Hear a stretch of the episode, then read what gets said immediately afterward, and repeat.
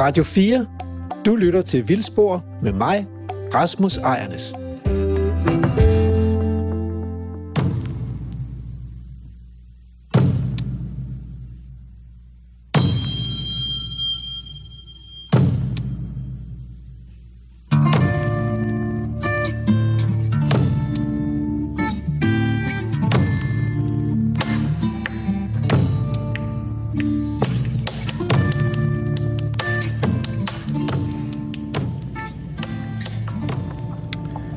Mørkt. Det blæser. Vi sidder i et færgeleje. Og jeg sidder her inde i min bil. Og jeg har nu papir på, at det er en lille bitte bil. Øh, for det er det, vi har købt færgebillet til. Og jeg sidder i bilen sammen med Emma Holtet. Du er jo øh, den ukendte producer. Lydkvinde på Vildsborg. Og det er dig, der er taget med på øh, roadtrip den her gang. Det plejer at være Andrew, der sidder i din plads. Hvad er der sket? Jeg har bare snedet mig ind. Altså, jeg møver alt, hvad jeg kan for at få de fede ture. Sådan. Så, så kan Andrew blive hjemme. Og for det er jo en fed tur. Ja. Fordi vi er jo i Sverige. Det er jo lidt eksotisk. Ja, det kan godt være, I kan gætte, hvor I, øh, vi er på vej hen, men det kan I... Det, suspense. Men altså, du har i hvert fald fået, øh, fået turen, øhm, og nu sidder vi og venter, og øh, færgen er forsinket. Og altså, jeg ved ikke, jeg troede, at vi skulle have sådan en rigtig hyggelig tur. Nu har jeg hørt dig og Andrews sommerprogrammer, hvor I bare virker som om, I hygger jer mega meget. Men jeg synes, du vi virker, jeg synes, du virker lidt anspændt. Altså, Ja. Jeg synes, det har været en, øh, jeg synes, det har været en hård uge. Måske virkelig et par hårde uger. Altså, ja, der har været meget at lave på arbejde, men det er én ting. Men så er der den her krig.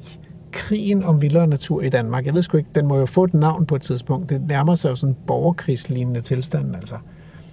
Hvor Gud og hver mand bliver svinet til på nettet for at være dyremishandlere og øh, onde, onde fascister og biologer og nazister. Jeg ved, altså, jeg ved ikke hvad. Altså, og og hvor modstanderne af de her naturnationalparker efterhånden begynder at organisere sig, og de har kuppet øh, lokalkomiteen i Sydjurs af Dan- Danmarks Naturfredningsforening, lokalafdelingen der. De mødte talstærkt frem til generalforsamlingen, fik væltet det meste af den eksisterende bestyrelse og sat sig på de besluttende poster, og, og medierne er fulde af historier om, om borgere, der ikke vil have hegn, og borgere, der ikke vil have dyr, og øh, det er jo til at blive mega deprimeret over, fordi det er jo bare sådan et lille forsøg på at lave bare en lille smule vild natur i bundelandet Danmark.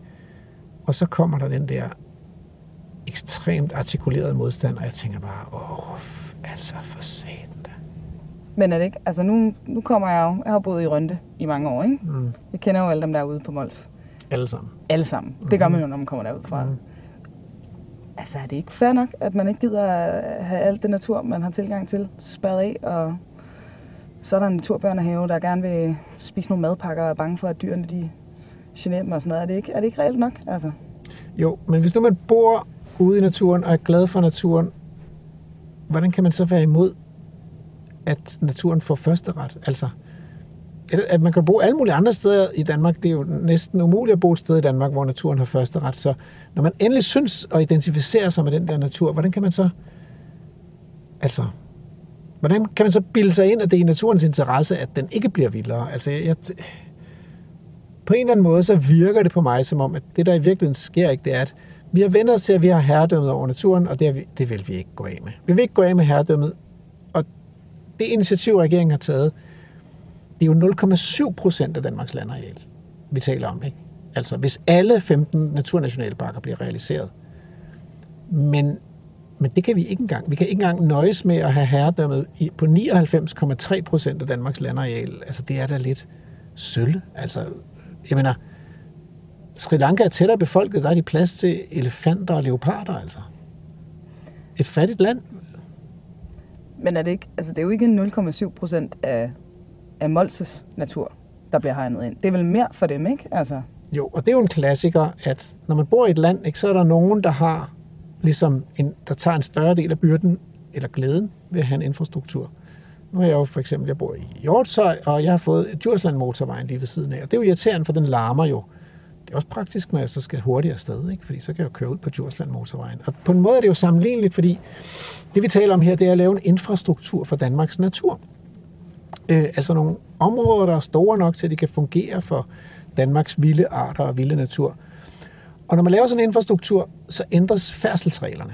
Det gør de også på motorvejen, der kan man ikke cykle vel, øh, og, og man kan heller ikke gå, og man må heller ikke krydse den og sådan noget. Og, og sådan er der nogle færdselsregler, man skal indstille sig på at opføre sig fornuftigt, når man kommer ind i naturområdet naturområde med store dyr.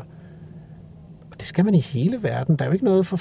Altså, det, det er jo som om, at der er sket en revolution i Danmark, fordi vi skal have vildere natur. Men det, vildere natur findes jo i, i, i Sverige, og vildere natur findes i nationalparker i Nordamerika og i Afrika, og det, det findes jo alle mulige steder i verden, ikke? Og de der dyr, som folk er bange for i Danmark, det, det kører heste, ikke altså? Andre steder kan man møde bjørne og pumaer og, og løver elefanter og flodheste. Altså, come on, danskere. Vi må kunne gøre det bedre. Og altså, den store skideball, den går ikke til dem. Der er altid nogle brokkerøv. Eller, hvad skal vi, hvad skal vi sige? altså, men der er altid en modstandsbevægelse, når der skal ske forandringer lokalt. Det er der mod motorveje og mod broer, og jeg har selv været med i nogle af de der modstandsbevægelser. Det er det, man kalder NIMBY, not in my backyard. Det er, hvad det er. Dem, der skal have skideballen, det er politikerne. De må ikke ryste i bukserne nu. Altså, det ser ud, som om de er begyndt at ryste i bukserne. Så ah, om hvis ikke vi har nogen heste, ah, om, så bliver det nationalpark uden heste. Ah, om hvis ikke vi har høje hegn, så bliver det lave hegn. Hvis heller ikke vi har lave hegn, om, så kan vi også godt lave en naturnationalpark uden hegn. Nu må I tage sammen. Hvis det er naturen først, så er det naturen først. Og den allerstørste skideball, den går til alle de danskere, der synes, det kunne være super fedt med noget vildere natur, men som ikke gider at engagere sig i den demokratiske debat ud af starthullerne med jer. Altså, det kommer ikke af sig selv, det her. Demokratiet, der er man nødt til at engagere sig, ellers så øh, går det den gale vej. Men øh, det er jo, altså, det er jo slet ikke det, vi skal lave på den her tur. Det er jo ikke derfor, vi er i gang nej, med nej. en kæmpe lang rejse og flere færger nej, nej, nej. og broer. Jeg ved det godt. Jeg, ikke hvad. jeg synes bare, det er et naturprogram, så vi bliver nødt til lige at tage den. Og nu, nu, nu, nu lover jeg, nu er krisen afblæst, eller, eller jeg, jeg var indebrændt, nu slapper jeg af. Vi okay. skal til Bornholm for at vi skal til Bornholm for at se på svampe. Yes! Og jeg elsker svampe. Jeg er jo skabsmykolog. Altså, så mykolog, det er nogen, der kigger på svampe? Og, og det har jeg aldrig rigtig sådan fået lov til sådan at folde helt ud professionelt, men i min fritid har jeg virkelig kigget meget på svampe. Og, og vi skal til Bornholm. Og vi skal over og være sammen med de nørdedeste topnørder inden for svampenes creme eller creme. Altså, eksperterne, de virkelige, fra øverste hylde jeg glæder mig helt vildt. Altså, jeg håber bare, at der bliver nogle sådan sjove svampe også imellem og sådan noget. Men det ved jeg ikke. Er det sådan noget, de også øh, gør? Altså. altså, vi, kan godt, vi kan godt se, hvad var det, der skete, da vi kørte ind i Sverige, og vi blev, og vi blev stoppet i tolden, og jeg viste mit pas. Så spurgte han, hvad skulle vi? Hvad, skulle, nå, hvad skal I, hvor skal I hen? Sagde vi, Bornholm. Og så, sagde jeg, så tænkte jeg, så jeg ville tilføje noget uskyldigt. Bare for sådan ligesom at afdramatisere den der lidt farlige situation. Så jeg sagde, over og kig på svampe. Og så kiggede han på mig. Nej, så nogle rolige svamper. Og så lavede han sådan en bevægelse, som om jeg var bims i knolden. Og det tog mig et stykke tid at finde ud af, at han, at han troede, at vi skulle over og trippe på svampe. Men det er jo ikke det, vi skal. Nej. Prøv at høre. Vi skal over, det, det er videnskab, vi skal over forske i svampe. Finde spændende svampe. Gøre nye fund. Eller også så skal vi interviewe dem, der har gjort det, ikke? Ja. ja. Så vi skal ud med de allerdygtigste. Og øh, det kommer I til at høre meget mere om, og I kan godt glæde jer. Altså, det bliver vildt. Jeg glæder mig helt vildt. Jeg håber bare, der er god stemning herfra så, fordi nu skal det være en hyggelig tur, ikke? Jo, ikke mere brok, ikke mere bitterhed. Fest og farver. Fest og farver. Når vi engang kommer med færgen, som ja, nu er forsinket. Det bliver en midnatsforestilling, og mere end det. Altså. Ja, Nå, men det, vi glæder os. Ikke mere bitterhed. Ikke mere bitterhed.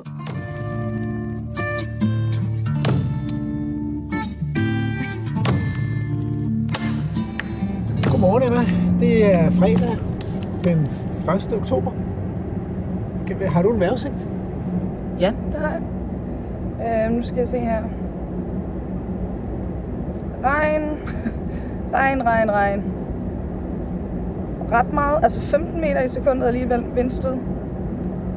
Ej, hvor ærgerligt. 13 grader, det lyder ikke sådan sindssygt godt, hva'? Men det er jo, men det er jo vejrudsigten for Aarhus! Det er nemlig Aarhus. Og vi er, øh, vi er på vej. Vi er kørt fra Rønne på Bornholm, hvor vi skal mødes med Jens H. Petersen og Thomas Læsø, øh, som er en del af svampelejren, der i år ligger på, øh, på Bornholm. Og vi skal ud og se, om vi kan finde nogle vilde, spændende, fantastiske svampe. Og vi skal tale om, hvad, hvad sådan en svampejagt egentlig er for noget. hvordan man finder svampe, hvordan man bestemmer svampe. Alt om svampe. Og så er det bare solskin og lækkert vejr. Solen skinner. Meget bedre end i Aarhus. Jamen, det er fantastisk. det var alligevel det værd, ikke? Det var, vi var lidt møre i går aftes, da vi ankom. Noget over midnat med færgen, men, øh, men nu er det bare godt. Du lytter til Radio 4. Så er vi her. Hej. Goddag, de herrer og damer. Hvor er det dejligt, vi ser os. Jamen, det vil vi Og vi da. har lige tjekket vejrudsigt fra Aarhus. Den er meget bedre her, det er jo helt fantastisk. Ja, ja. Men sådan er det. Jeg har godt nok stået nede i stænger i går, men det var alligevel godt. Vi er lidt i den syvende himmel, fordi der er så kolossalt mange svampe fremme. Altså, Og de er der- så flotte, og de er lige på toppen, og det hele det skinner og slimer og stru- strutter og sprutter. Det er simpelthen... Altså, jeg har været med på en 3-4 af de her svampelejre eller sådan noget. Ikke? Og vi Og, I har været med på en galt. 10-12, og det, på ald- det, det slår altid fejl. Ja. Det har været for tørt, eller for Ja. blæsende, Ja, ja, eller der har været nattefrost. Eller... Vi har aldrig ramt den så godt, synes jeg, som vi lige gør her i de her dage. Herinde midt på Bornholm. Ude på Østkysten, der er der lidt tørt, men ja. lige her. Det er derfor, vi har taget herop for mere eller mindre for tredje dag. Altså, det er jo det, vi retter rundt i et lille stykke her. Det er, jo- der bliver ved med at komme fede ting op. Det er fantastisk. Jeg glæder mig som et lille barn til at komme med ud. Så øh, altså, øh, jamen, vi- vi vil gerne på svampejagt med jer. Det er Ja. det, vi vil. Sådan er det. Og vi, øh, vi foreslår, at vi lige går lidt til, fordi vi havde håbet, at vi kunne køre op ad den vej her, men der er bum for. Vi starter med at gå lidt rask til, så ja, får det vi varmen. nok, fordi øhm, så kommer vi lidt ind øh, i, i noget, hvor vi ikke har gået ligesom flere gange før. Ja, Altså, ja. og, og, og det ser ud som om, det bliver vild- vildere og vildere, jo dybere man kommer ind, så øhm, det er kun Det godt. er jo sådan et eventyr. Jo dybere man kommer ind i skoven, Ja, ja, jo det vildere er bliver det. Til sidst ligger heksens hytte, pandekagehytte. Ja. Puha.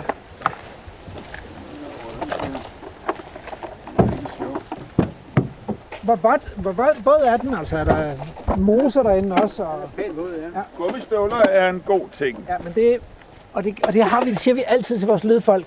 Men det er, de lever under for lyd, Ja. så derfor så offrer de sig gerne for øh, vildspor. Ja, men det er jo en dejlig svungne man kan få på sådan en kondisko der. Ja, det er det. Ja, men altså, jeg, og jeg havde sagt til dig, nu havde jeg taget mit praktiske tøj på. Nu vil jeg rigtig prøve at passe ind, og så sagde du, ja, det gør du ikke. så De der, de der lyseblå fødder, de kan suge fra næsten alle sider. ja, det er det mest praktiske fodtøj, jeg har. Men Ja. jeg, jeg skulle have haft gummistøvler. Det er noteret til en anden gang. Ja, Så, se nu kommer de dybe. Det var her, vi nåede til, Thomas. Vi vidste bare ikke, der gik en vej. Vi stod jo, det er jo lige, det er jo lige der. Okay, ja. Det, det var den sten. Vi, stod, vi har stået ved den sten, Det var da sindssygt. men ikke sat, sanset, at vi troede, vi var dybt inde i skoven på det tidspunkt. Så der, der står gyldenkantarel lige hernede. Nå, men, den, øh, men den får man vel at se så. Ja, det regner vi med. Nu taler om den sten. Ja, Jeg har en datter derhjemme, jeg har fået sådan i mit livs jernalder. Hun er 14 år gammel. Da vi kom her- herover, der var hun 8. Og da hun så det der, så sammenlignede hun. Hun sagde, det er jo Aslanstenen, sagde ja men det er det jo. Ja, det var det alter der, og- der og- er flækket. og den er det flækket, ikke? Ja, Altså, ja. den- det lige Så øh, den har ikke... Øh, vi, har, vi kalder den Aslanstenen, Ja. ikke? Ja. Og ser mange løver her omkring os. Løver. Ja.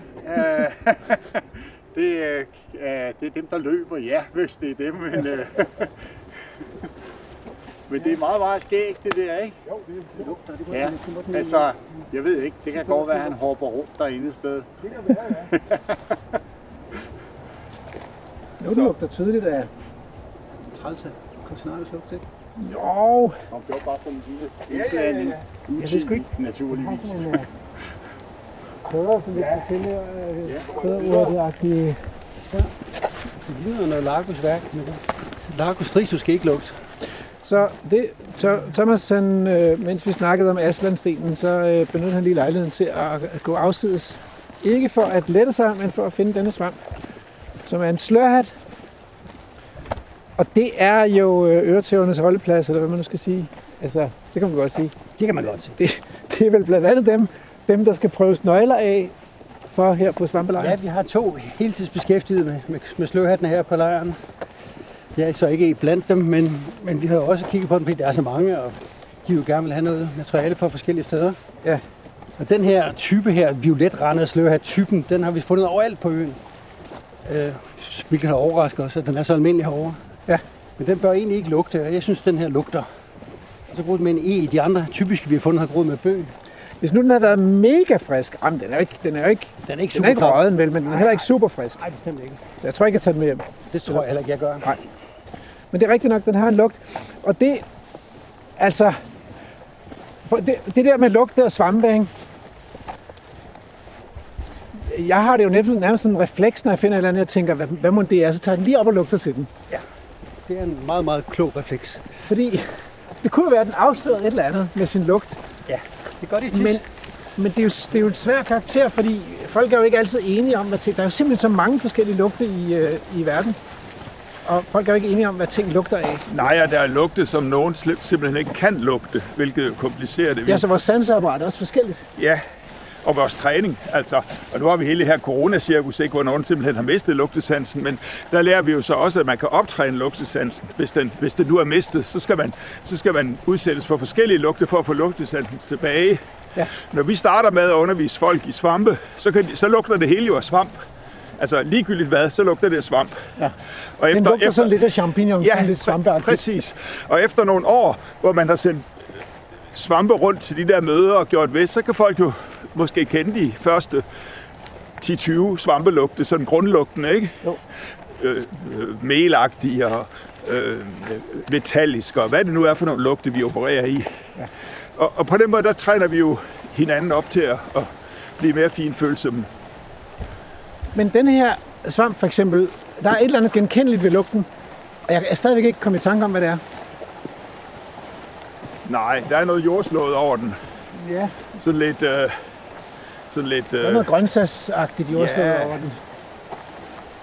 Ja. Nå, men nu, nu øh, vi er jo på svampejagt. I må sige til, når det... Altså, jeg- tænker jo umiddelbart, det ser jo fandme kedeligt ud. Det er jo, det er jo bare nåletræsplantage, det her. Hvorfor er det attraktivt? Altså, der er bare nogle skovdyrker, der har plantet nogle nåletræer, der ikke ville have stået her, hvis det havde været naturligt.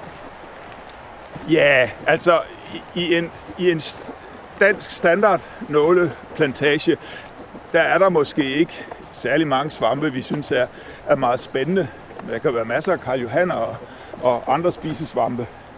Men øhm, nu har vi jo gået her nogle dage og fundet ud af, at, det stykke nål, vi går i her, det er altså fyldt med ting, vi, vi, vi virkelig synes er, er specielle i hvert fald. Og vi startede med at kravle ind, fordi vi ledte efter øh, den gyldne kantarel. Det lyder fandme som et, et middelmådigt spisested, øh, der skal lokke turister til. Det er nemlig det. Eller, eller, eller den store præmie i et eller andet spil, ikke? Jo. Øh, men gylden kantarel er kun kendt øh, her fra Bornholm, og kun i, i meget nyere tid er den Ja. blevet fundet her. Og den vokser så lige ind i det her, og det styrtede vi jo ind, fordi vi gerne vil, vil se krædet på dansk jord. Og, og det er også, også lykkedes til overmål. Så derfor så havnede vi her. Og om gylden kantarel indikerer, at, at der er noget særligt på færre, det kan man jo så spørge sig selv om. I hvert fald så, så er der faldet meget andet. Måske ikke gylden, men, men strålen af. Men øh, og nu står jeg, fordi, jeg, fordi der står kantareller herinde, og jeg, jeg har lige samlet en op fra jordbund. Det er bare en almindelig kantarel, det her, ikke? Den ser meget almindelig ud. Fuldstændig almindelig kantarel. Okay. Rasmus, kan du godt smide igen. nu har jeg et af de der... Ja, Jeg det er det. jeg, Du- fa- du skal jeg stille fatter ikke der. noget spørgsmål. Nej, du fatter ikke noget. Godt. Jeg, jeg skruer bare lidt tilbage. I snakkede om sådan noget med at bestemme nøgler. Altså, ja. Hvad, hvad er det? Nej, men altså, hvis man, man, man kan bestemme svampe på flere forskellige måder. Man, man, kan, man kan kaste det ind i en, øh, i en app, der ved hjælp af en AI giver et, et gæt på, hvad det er. Ikke? Man kan også tage sine store bøger ned fra hylderne og bladre billeder. Det var det, mine studerende kaldte for pornonøgling. og så kan man bruge en, en nøgle, som er en, en tekst med spørgsmål, der prøver at adskille og navigere igennem morasset af arter, til man når frem til et entydigt resultat. Altså, er den rød, gå til punkt 2, er den grøn, gå til punkt 5, ikke? Og så videre, og så videre. Og, og, og det er jo, ja, vi arbejder i øjeblikket på et nyt sæt nøgler til danske svampe, og det er en af grundene til, at vi er her. Hovedgrunden til, at vi er her, fordi vi skal, vi skal teste, om de virker. Så, så vi forsøger på at få folk til ikke kun at samle svampe, men også at tage dem med hjem og sidde og nøgle dem, og komme hen og brokke sig over, hvor det ikke virker, og hvor de ikke forstår teksten og sådan noget. Prøv, Emma, i det her program, der i det her afsnit, der samler vi en svamp, og så, så bestemmer vi den, når vi kommer hjem på lejren. Og hvis ikke vi kan, så er der hjælp at hente. Super. Okay, jeg, jeg er med nu, tror jeg. Okay. Ja. Altså, og nøgler, det, det er ikke... Altså, der er jo mange forskellige slags nøgler. Det, er- det er så også noget af det, vi skal prøve af. Ikke? Der er for eksempel dem, der virker, og dem, der ikke virker.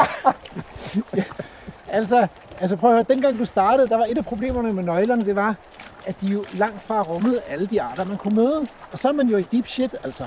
Hvis nøglen den kan nøgle 200 arter ud, og der i virkeligheden er 2000, altså det er jo ikke godt. Nej, fordi man skulle gerne kunne bruge nøglen som, som en slags sådan autoritativ øh, referenceramme. Ja. Øh, og hvis man, det kan godt ske, at man ikke kan finde ud af, hvad en svamp er, men, man, men så finder man forhåbentlig ud af, at der er 30 af slagsen, og at det er svært. Ja. Det er ikke godt at finde ud af, at der er to af slagsen, hvis der i virkeligheden er 30. Nej. Så har man ikke fået sådan et udsyn eller er blevet klogere. Vi, prøver, vi bliver helt sikkert kl- forvirret på et dybere niveau. Det er jo det, vi Ja. bruger livet på. Ja, Eller Altså, nej, det er det. nogle men- af os. Men altså, man kunne også godt have den drøm i livet, at man kunne opnå bare et lille glimt af sandheden. Altså, bare et. Jo, men altså, Og der, der er det jo... Bare det punkt hele tiden. sandheden er jo lidt en illus- illusion i den her sammenhæng, ikke? Men, men, men, men vi bliver meget mere klare på, hvor forvirrede vi er, og hvor vi er forvirrede. Ja. Altså, det er jo et godt sted at samle spisesvampe, det her. Det er jo selvfølgelig ikke det, vi er her for. Øh, fordi, altså, vi mødte en to- svensk toller, der, der spurgte, hvad vi skulle, og da vi sagde, at vi skulle samle svampe, så straks kom den her association med, nå, nå, rolige svamper, så det, plingeling, plingeling. Så, men det er hverken spisesvampe eller psykedeliske svampe, vi er ude efter. Det er spændende svampe. Du lytter til Radio 4. Øh, og til lytterne, vi er på øh, reportage, og vi går mellem græntræer og, og øh, kigger efter svampe i mos, og der er svampe, hvor end man vender sig. Alle mulige former og farver, og øh, selvfølgelig almindelige svampe med hat og stok og lameller, men også øh, koraller, der kommer op, og, og bitte små svampe, øh, som, som bare er knappenålshoved store og vokser på nålene her i nåleskoven. Har vi den med de grønne spidser, korallen? Okay, det er den super sjældne koralsvamp, som så er over det hele. Den twitcher jeg lige, når nu det er inden for god afstand. Det gror på vedet, men det ser ud som om det går ud i mosset. Okay. Men i hvert fald, den der er meget grøn på spidserne. meget grøn på spidserne. Vi kigger på en koralsvamp, og, den, og de har jo navne efter de der koraller, man kan finde nede, øh, nede øh, på havbunden de rigtige steder. Så sådan ser de ud, men øh, det er svampe. Og nogle af dem laver mykorrhizer med træer, altså sådan et, øh, et samliv med træerne, hvor de knytter an til træernes rødder, men, men den her, den lever sig af at nedbryde det døde, det døde materiale her i skovbunden. Den er sgu grøn på spidserne. Det er fandme rigtigt. Jeg tror, Thomas han vidste det, fordi jeg synes, det er svært at se med det blotte øje. Der er en smuk Ej, en dejlig smuk, piksvamp. Er smuk det en spinkle type. Lidt farvet hat. Mere farvet hat, end de tit har. Altså, nu snakker vi om, at man bliver klogere, ikke? Fordi da jeg startede med at kigge på svampe, der var der to. Rødgul og almindelig piksvamp. Måske var der en sjælden en på kalk ja, også. også en sjælden, ja. Men hvor mange er der nu? 11. 11 piksvampe. Og de er, øh, de, de er ikke, det er ikke fordi, der er kommet nye piksvampe til. Det er fordi, man er blevet klogere. Primært. Jamen det er udelukkende derfor selvfølgelig. Man har fået beskrevet variationen bedre. Og så har man haft øh, taget som hjælp. molekylære hjælpemidler i brug, ja. Og det Ja. har hjulpet meget. Det er stadigvæk utroligt svært at bestemme dem uden molekylære hjælpemidler. Så du tør ikke sætte et navn på den her? Nej, det er vi har- en af de små Vi har samlet rødgule. fotograferet den og vil nu have en sekvens, Ja. og så bliver vi klogere på, hvordan den ser ud med det navn. så håber vi kan gå baglæns og forbedre nøglen. Ah, kæmpe arbejde. Det er et kæmpe arbejde. Det kan vi ikke komme udenom. Nå, men Jens han er gået i gang med at fotografere herover. Og det, for, det, er, det er the old fashioned way. Så det er ikke sådan noget med, at man lige holder sin mobiltelefon. Nej, altså... Det er med stativ. Mobiltelefoner er fantastiske, men øhm, de giver jo ikke rigtig gode billeder. De, giver, de giver brugbare billeder til at bestemme svampene efter. Ja. Øh, og, og, og lægge, når man lægger dem ind på diverse medier, hvor man skal have nogle andre til at kigge på dem og sådan noget. Men hvis man tager billeder til en bog, eller, altså, eller som kunst for den sags skyld, så, så kræver det ligesom lidt mere udtræk, hvis det rigtig skal holde hjem. Og de her små svampe, der, der, der, der sætter de fleste mobiltelefoner jo også ud. Vi har udstyr, hvor vi kan fotografere svampe, der er en tiendedel millimeter store. Ja. Øhm, så så vi, vi kan gå hele vejen, kan man sige. Og det er jo nødvendigt, fordi vi har brug for at dokumentere det ja. på, på hele, altså hele spektret. Og lige nu der står mit kamera og tager en hel række billeder til, til det, der hedder en stack, øh, som jeg så stopper ind i computeren og får et computerprogram til at splice sammen, så dybdeskarpheden bliver meget stor. Og det bruger vi jo meget nu til dags, fordi det kan de bare, de her apparater. Øh, så har man da også noget at bruge hele vinteren på at sidde og fedt med alle de billeder der. Så nu har jeg lavet en stak af den her lille grå husvamp, som, som Thomas mente var, var særlig interessant.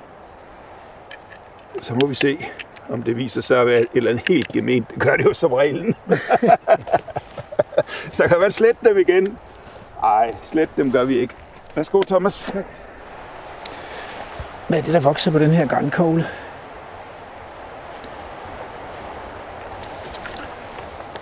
Det er noget snaskeværk. Jeg ved sgu ikke, ikke hvad det er. Uf, uformeligt snask. Hvordan kan man se forskellen på uformligt snask og så en svamp? Ja, altså svampe, noget af det, der er gode ved svampe, det er godt ved svampe, det er jo, at de har, altså de har nogle, nogle strukturer, som gør, fordi problemet med, med svampene resten af året, det er jo, at de bare er sådan nogle, nogle uformelige, lange tråde, hyfer nede i jordbunden, og dem kan man ikke kende. Men når de så sætter deres frugtlæmer, så kommer der noget op, som man kan kende. Noget, der har nogle strukturer, en stok, nogle lameller, nogle pigge, nogle, nogle porer eller rør, øh, så man kan pludselig, pludselig øh, genkende det og karakterisere det og skelne mellem forskellige svampe. Så er fotografen ude igen. Ja, det her det er ren æstetik.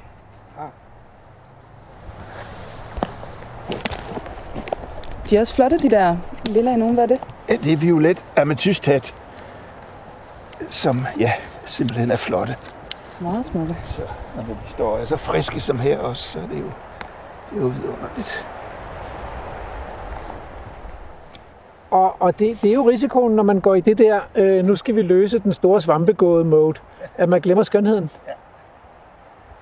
Og nogen af os må lade være med. Ja. Nå, men Emma, vi skal også have fundet den her svamp, som vi skal bestemme, så på et eller andet tidspunkt, så skal vi beslutte os for, hvad der er vores fede fund, ikke? Ja, hvad for et hit vi går efter. Ja, lige præcis. Rasmus, hvad er det her, der er helt orange? Det er en, øh, en guldgaffel. Guldgaffel. Ja, Så det er også ser ret vildt ud. Det er også en svamp, ja. Man kan godt se, at, øh, at de her orange grene, de er sådan, øh, øh, de, de er sådan ligesom gaffeldelte. Så det er et udmærket navn, guldgaffel. Ja. Den vokser på, på døde grene her i skovbunden. Det ligner næsten en koral. Det gør det også, ja. ja så den, den kunne man også, den kunne man, men, det er, men den ligger er et helt andet sted i svampe. Riget, og det skal man mikroskopere den for at finde ud af. Man kan bare hive i den. Hvad, hvad oplever man, når man hiver i den? Den virker, altså udover at den er ret glat og slimet lige nu, så den, virker den meget, meget... Hov, Prøv at hive den igennem på langs. jamen den er jo sej som Den er samtidig ind i helvede, altså. noget, ikke? Altså, jeg er næsten værre, ikke? Ja. Så det der med, at den, den ligesom hører til over i nærheden af, af bæversvampene, der tit er seje, altså det, det, det, det er meget forskelligt fra koralsvampe, som den kunne ligne, eller, eller køllesvampe. Fordi, skøre. Ja, de er skøre. Ja. Så, så man kan godt få et hint om, at, at det er noget andet, man har gang i. Og ellers ser man det mikroskopisk, fordi de helt sådan grundlæggende mikroskopiske strukturer, der hvor sporene dannes, ser helt anderledes ud. Ja. ja. Altså kan- vi, øh, øh, kan vi snakke om det der med, altså jeg har jo tre døtre, og dem har jeg lavet sammen med min kone. Men sådan gør svampen jo ikke, vel? Altså, eller hvad? Altså vi, vi har jo ligesom, altså æg og sædceller har Ja, ja, mødtes, og så ja, er der ja, kommet ja. Et, et nyt barn ud af det og sådan noget. Men, men, men hvordan gør svampen egentlig? Hvordan, hvordan har de det der liv og det der... Jamen svampene, svampene spreder nogle sporer, og sporene er bitte små. Det er jo sådan nogle en, en hundredendel millimeter store. Og de kommer ud af de her frugtklemmer, Tænk, vi nu går og kigger på. De kommer nemlig fra frugtlægerne. Det er det, frugtlægerne er der for.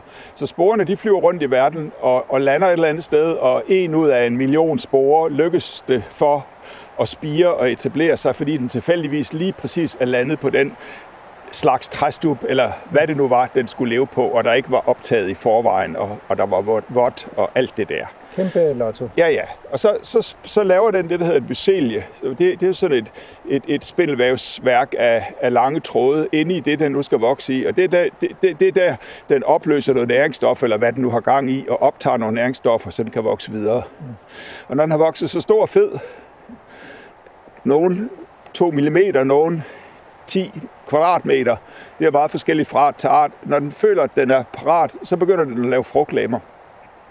Men et eller andet sted i den proces der, der skal den, der skal den ligesom parre sig med en anden svamp af samme slags. Så det skal den altså. Ja, det, de fleste. Det er ikke altid, men de fleste. Eller nu tager vi standardmetoden, ikke?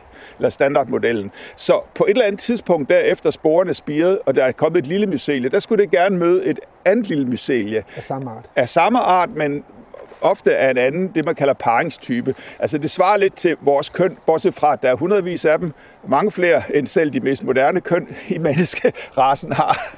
Og, øh, og øh, det, skal, altså, det skal passe sammen, det skal være forskelligt på den rigtige måde. Så smelter de her små mycelier sammen og danner et nyt mycelie.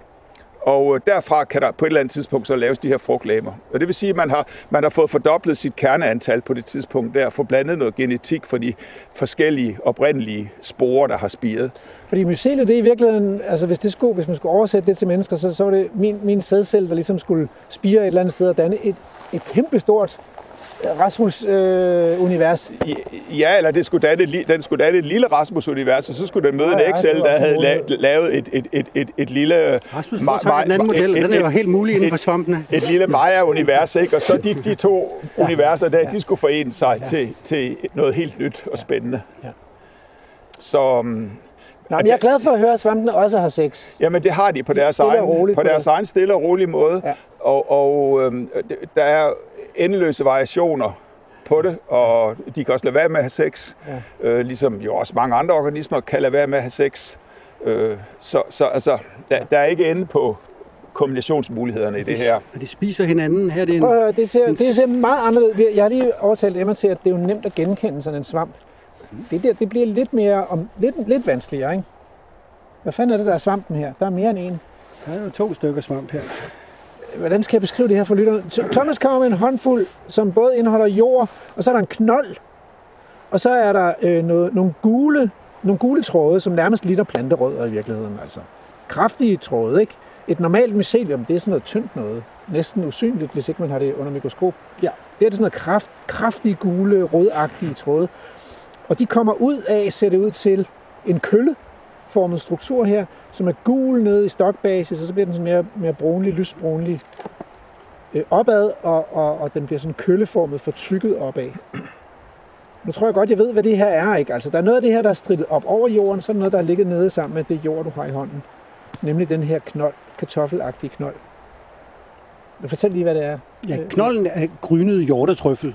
En af Danmarks almindeligste trøfler, som har det her ektomykorrhiza liv sammen med, ofte sammen med nåletræer. De er utrolig almindelige, men de er svære at finde, men så sidder så den der kølle op over, over mosset, som er en snylter på hjortetrøflen. Den hedder hjortetrøs. Den spiser hjortetrøfler. Den hedder slank snyltekølle.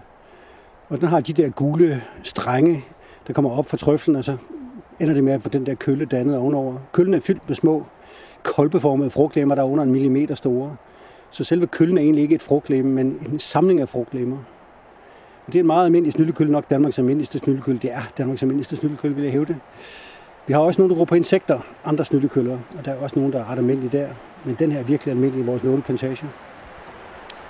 Nu er der allerede, det har givet nu, ved jeg i nogle af lytterne, sagde han trøfler. Han sagde trøfler. øh, så øh, snyltekøllen også spiser, spiser den her hjortetrøffel, men kan Ja. man også få serveret den på en dansk restaurant? Ja, det håber jeg jo ikke, for de smager virkelig dårligt. Men jeg har mødt en norsk kok, som eksperimenterede. Det gør kokke jo meget nu om dagen, eksperimentere det, det der er uspiseligt. Det nordiske uspiselighed. Og den, den her var virkelig uspiselig, så det gjorde ondt. Altså, jeg var, tvunget til at smage på den også. Og jeg må da sige, at det må han gerne opgive det på eksperiment. Det var ikke godt. Men æder hjortene dem, når de hedder er Ja, det bare kan de godt gøre. Og, og i gamle dage, der var, kunne man købe på apoteket til at, at, at få køerne i brunst og den slags. Altså det var ligesom, man troede på, de ligner Alright. testikler, så man troede, det, det, Ah, okay. det kunne noget, ikke? Jo. Men det kan nok ikke ret meget. Men, men øh, det kan lave noget ægte mykorrhiza, og det er jo ikke dårligt for træerne. Og Så, så ektomykorrhiza, det bliver vi også nødt til ligesom at have... Ja, Så den laver ektomykorrhiza med de græntræer, den vokser med her. Det kommer op på rødderne. Rødderne bliver lidt for tykket, og så kører der sukkerstoffer fra træets fotosyntese ned til mycelet af den her hjortetrøffel. Og hjortetrøffel leverer så nogle næringsstoffer og noget vand tilbage til træet. Og Så de har begge to gavn af det. fuldstændig lige meget. Så derfor kalder jeg dem heller ikke en værtstræ, jeg kalder det partnere. Ja. Ja. Det, det er et partnerskab, som er fuldstændig nødvendigt for nåletræerne, for de kan ikke leve uden ektomykorrhiza. Hvor, hvor mange af de her svampe, som vi nu har gået forbi her, er, har gang i noget med de her græntræer? Sikkert 80 procent eller sådan noget, fordi de er så synlige, mange af de forklemmer. af- Nu gælder det jo ikke trøflen her, men alle de der skørehatter og mælkehatter og slørhatte, og selv den, det rødblad, vi fandt før, eller den rødblad, vi fandt før, er formodentlig også en mykorrhiza-dannende type af rødblad. og alle rørhatten og kantarellerne, trakkantarellerne, alle, alle de der. Men vi så jo også en koralsvamp, den var så ikke.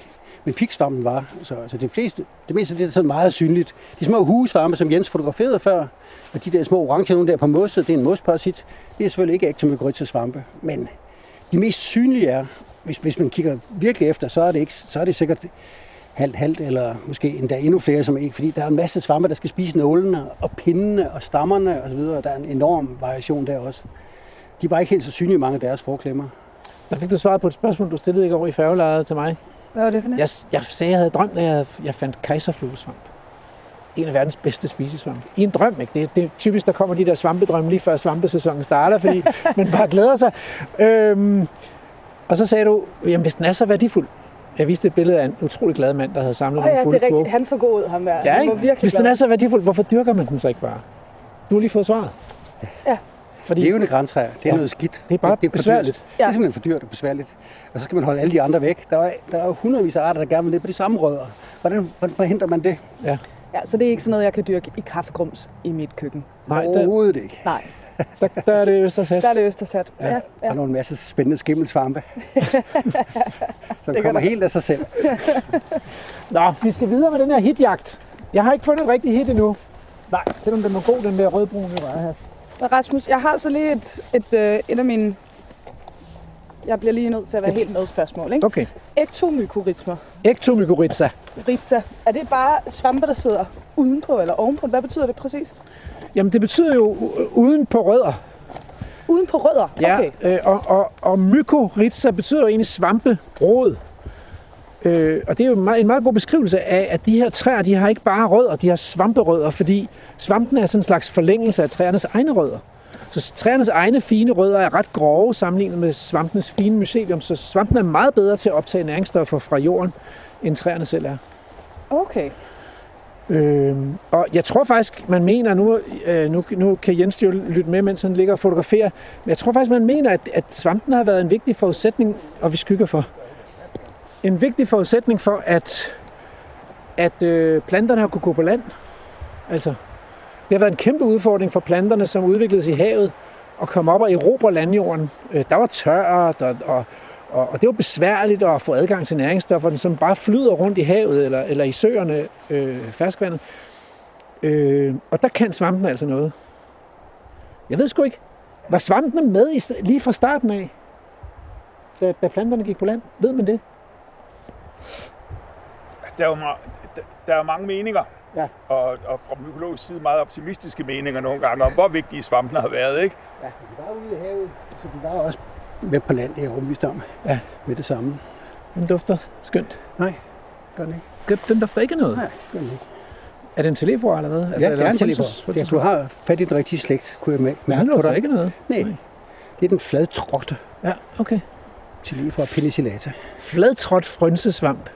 Måske ikke det fedeste svampenavn, man vil må godt, godt have heddet noget lidt, lidt mere Jo, kejserligt. Så med en frønsesvamp, det kan man virkelig leve op til der. Den ser ud som om, der er nogen, der har trådt på den. Ja. Så den er god nok. Jo, og den er også virkelig frønset.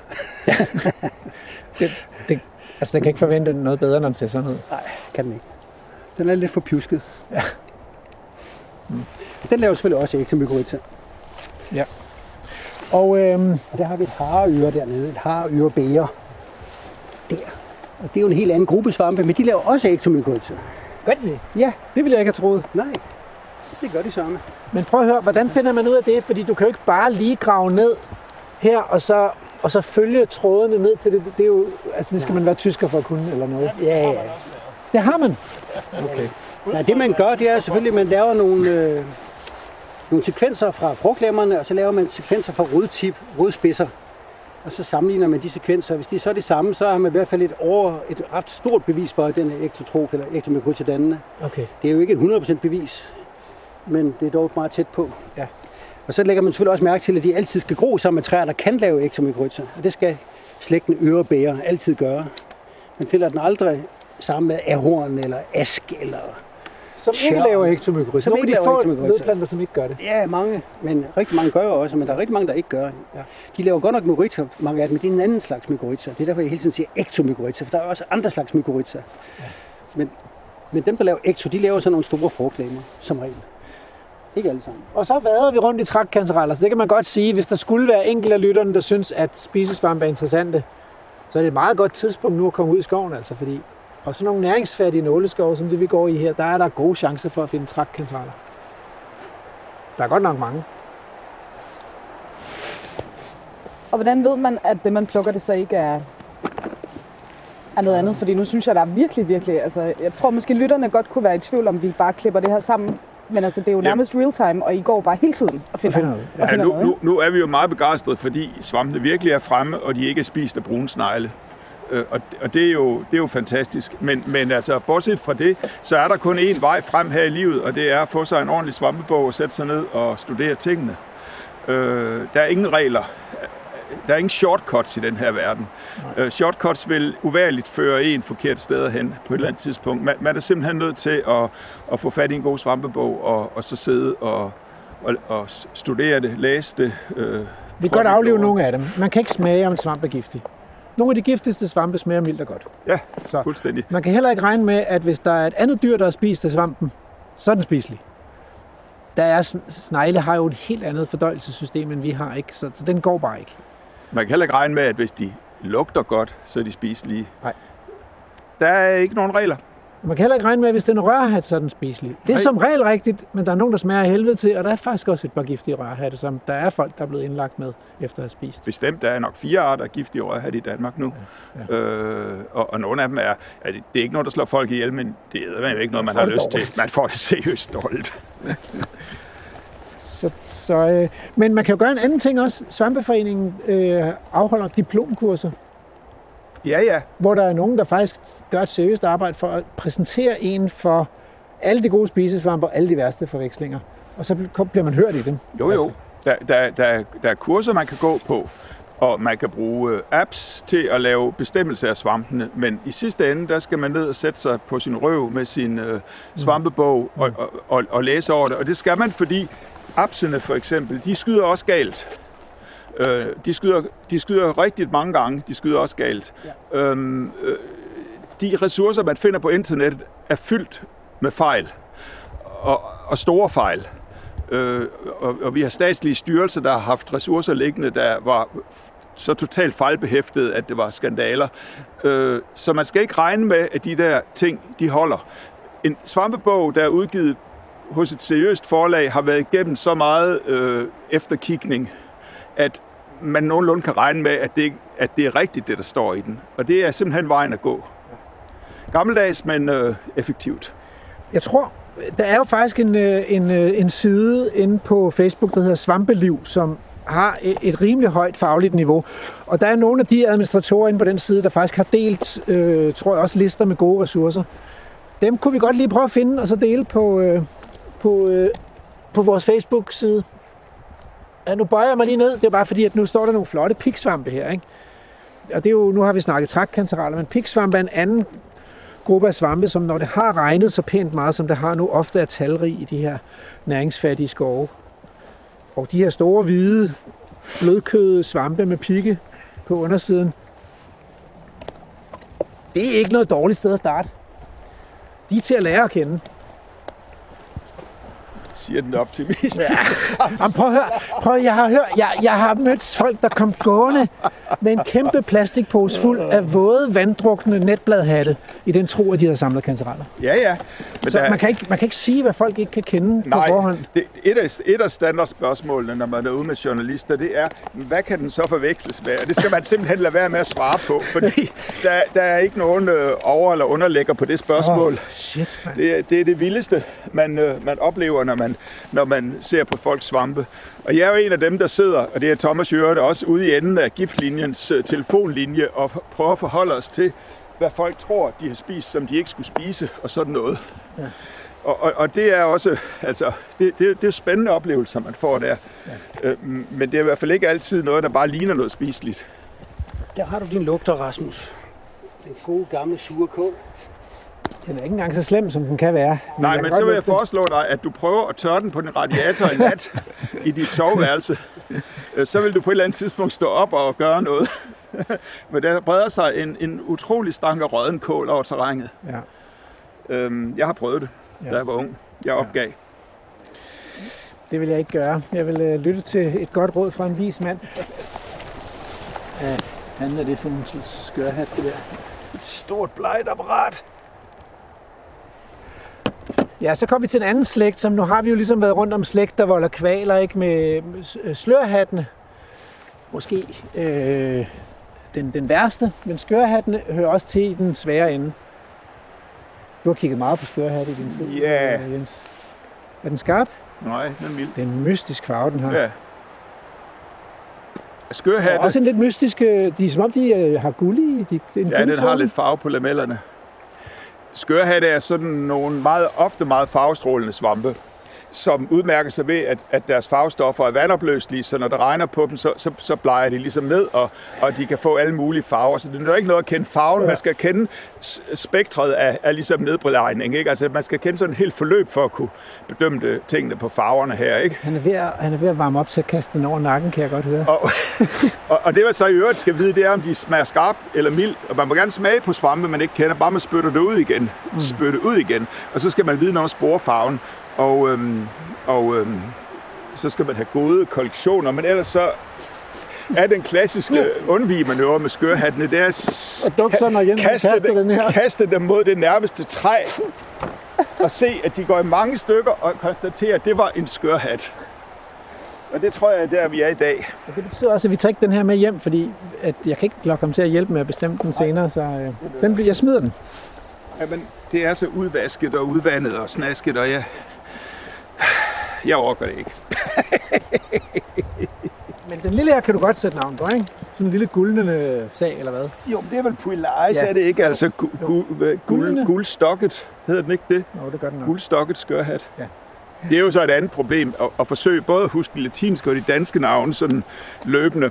Ja. Og det, det er hver eneste år, der starter man næsten fra scratch, synes man, og så skal man til at have hele det der system genopfrisket fra, fra de dybe lag. Ja. Se nu her. I solstråler. Er det fint? Trækkantereller ud over det hele. Mm. Og piksvampe står der derovre. Sjov, øh, skov med de her øh, våde lavninger, ikke? Så selvom man har forsøgt, der er, løber nogle drængrøfter igennem Ja, ja, men, men der, hvor, der hvor det snede rigtigt, det var der, hvor det var vådest. Altså sådan der, der hvor det virkelig blev snasket Ja. øh, den anden dag. Så, så det er det, vi, Det er det, vi går efter. vi trækker lidt efter de der våde lavninger, ja. Det ser ud som om, der er noget lysningsværk derude, eller hvad. Men, ja, det kan være en skovvej, det kan så også være en skovrydning, eller... Rasmus, det er snart tid til nyhederne. Ja. Men, øh, men jeg tænkte inden da, fordi du, du snakkede om, at du gerne ville sådan bestemme, hvad, vores, hvad det hit, vi går efter, det er. Jamen, det kan man ikke bestemme på forhånd. Nå, så det ved vi, Vi vi først, når vi har det. fundet det. Ja, vi, ja, er sindssygt. Nå, nå, så jeg troede, vi sådan skulle have en Jamen, målsætning om, det her, det vil vi gerne finde. Jamen, det kan man også godt nogle gange have. Har- I, har I været ude efter noget bestemt? Altså måske bortset fra den der gyldne kantarel, Jens? Ja, altså den første dag vi var herinde, der gik vi efter den gyldne kantarel. Og, og det er egentlig noget, vi sjældent gør, Thomas og jeg. Altså at, ligesom at, at gå efter det, andre har fundet. Ja. Men, men den ville vi skulle alligevel godt se. og i går, der gjorde vi det samme. Må jeg med skam meddele, der gik vi efter den laksefarvede mælkehat, Mm. øh, som kun er fundet et par gange i landet her Mm. på Bornholm. Og som er sådan en stor øh, orange-rød orange-mælket mælkehat, der vokser med ædelgran. Ja. Og, og, og, og den vokser lige herovre et sted. Og vi fandt den. Så det er det, øh, ornitologerne kalder et twitchy. Ja, Så, så altså, Emma, det, det, det kan vi ikke. Øhm, så, øh, så vi skal finde noget, vi ikke ved, hvad er, som vi kan sidde og nøgle i aften. Okay, det er det, der er Det er det, der er kludet. right. Altså, man kan også godt låne en af de andre svampe og nøgle den, men det er jo sjovest, når det er noget, man selv har fundet. Men mener du, det, at vi skal øh, lægge ned til de nyheder der? Ja, det synes jeg, vi skal gøre. Jamen altså, øh, så skal I hænge på og vende tilbage i anden time, hvor vi gør endnu flere vilde fund og skal finde vores egen svamp, øh, Emma og jeg. Fordi vi er nemlig ude og samle svampe med Jens H. Petersen og Thomas Læsø. Men øh, nu er det tid til nyheder.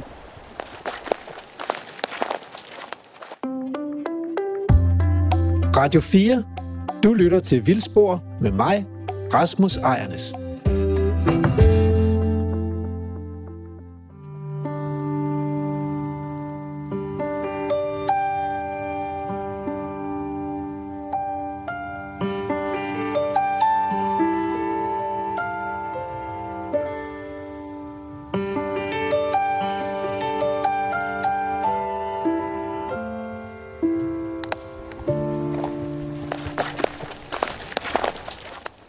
Velkommen tilbage til Vildspor. Øh, der var jeg lige ved at gå ind i en gren. Vi, vi befinder os i øh, midt på Bornholm i en, øh, i en plantage.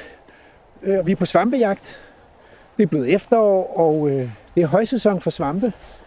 Og hvis man... Øh, vi har jo spurgt vores to værter i dag, Jens H. Petersen og Thomas Læsø, og som de siger, i år der har svampelejren ramt den lige i røven, fordi svampelejren bliver fastlagt i god tid, inden den skal afholdes, og der bliver booket, booket et sted, man kan være, alle de her svampenørder kan være. Og som regel rammer man, selvom man prøver at lægge det på et optimalt tidspunkt, så er det blæst lidt for meget, det er lidt for tørt, det har regnet lidt for lidt, det, det er ikke rigtig kommet op endnu, eller det har været op i september og gået ned igen, eller det, den første nattefrost, der er alting, der kan gå galt, når man prøver at finde det rigtige tidspunkt at kigge på svampe. Men i år på Bornholm piker det. Det er perfekt. Der er svampe over det hele. Så vi går og prøver at gøre spændende fund herude, og er afsted med to af Danmarks allerbedste mykologer, som det hedder, svampeeksperter. Thomas Læsø og Jens H. Petersen. De har skrevet tykke bøger om det her. Og nu er vi, nu er vi blevet fanget sådan, Emma, ja, mellem vi, nogle øh, grøfter med vand i. Jeg tror, hvis vi går ned på spidsen dernede, tror du ikke, det er det nemmeste, så lige at krydse over? Lad os prøve det. Ja. Hvis du falder i, så giver jeg dig en hånd og trækker dig op. Tak. Det er selvfølgelig ikke det allermest galante, man kan gøre. Jeg kan også gå over på den anden side og og på en eller anden måde. Og men nu er de simpelthen, jamen, de springer også rundt, de to. Det gør de. Altså, de er jo allerede herovre Nu er de gået over i sådan noget, et, et, et område her med bregner og elletræer. Det er også noget, hvor man er glad for at have gummistøvler på. Øhm. Og det er jo noget, man lærer på den hårde måde. Ja, det kan man sige. Altså, men øh, der er jo dejligt solskin og varmt, så det er ikke den værste dag at rende rundt Det er meget, meget vådt. med meget, meget våde sokker. Ja.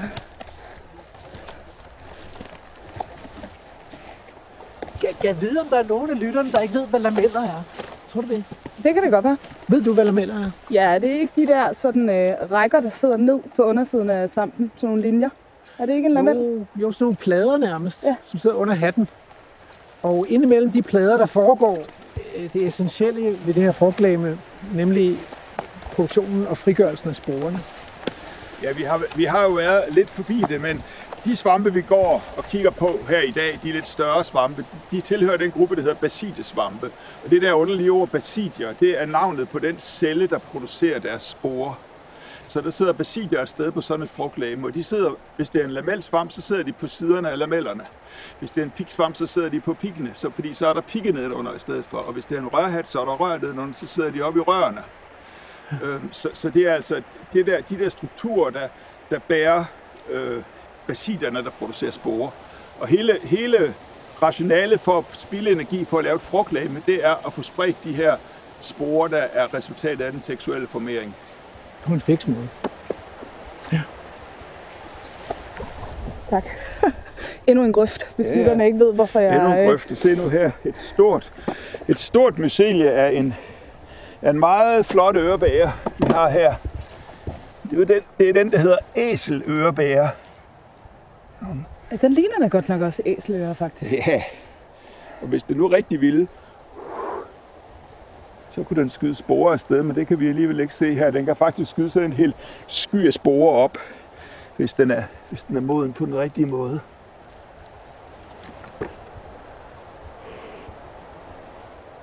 der kom der kom en noget. lille smule. Øh, Og det er så den anden store gruppe af svampe, nemlig dem, der hedder sæksvampe. Så hvor alle paddehattene har det basidesvampe, så er de her bære og ørebære og sådan noget, det er så sæksvampe. Og de laver altså deres, deres seksuelle spore på, på en lidt anden måde end basidesvampene. Så flot, flot. Så hvad er det, de gør?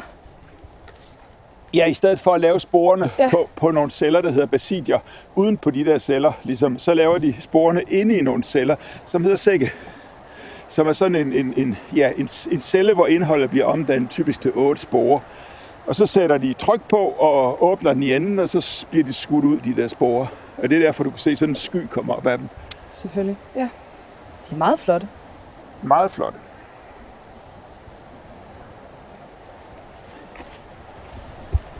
Altså, hvor meget er der, nu spørger jeg bare lidt dumt, i forhold til dem, der sådan går rigtig op i svampe, ikke?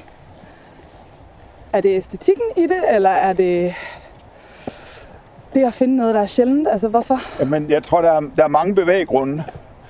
Øh, for mit vedkommende er æstetikken i hvert fald en stor del af det. Men nu er det jo også mit fag et eller andet sted. Jeg er jo uddannet til det.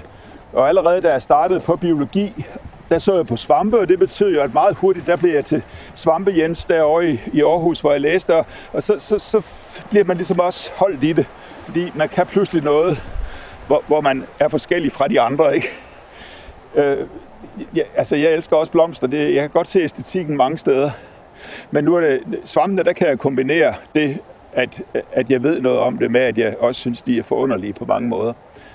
Og, og noget af det, der er virkelig er så forunderligt ved svampe, det er, at man aldrig ved, hvor man har dem.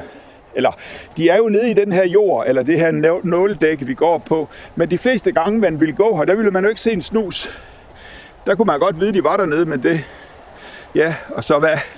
Men, men, men når man så rammer dem, hvor, hvor de gider lave frugtlæmer, og det hele det, det går op i en højere enhed, så kommer de frem og viser sig for en, og det er jo sådan lidt, det er jo sådan lidt trolde- eller elveragtigt på en eller anden måde, ikke? At, at pludselig så, så kommer de underjordiske frem til overfladen og, og danser for os, og, og, og så om to uger, så er de væk igen. Og så kan vi igen gå og, og, og tænke, hvor var det nu henne, og får vi dem nogensinde at se igen? Og hvis man nu har en skov, man går i jævnligt, eller en, en, en eng, eller en, et overdrev eller noget, øh, så kan man jo, man kan jo gå der i, man kan gå i 10 år og vente på, at den ting, man har set der, den skulle komme igen.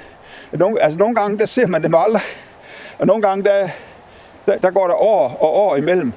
Og, og for nogle arters vedkommende, der kommer de måske op hele tiden, og hver, altså hver efterår, eller hvornår de nu vokser. Så det, der er jo også sådan en, en enorm uforudsigelighed over det, som jo virkelig er fascinerende.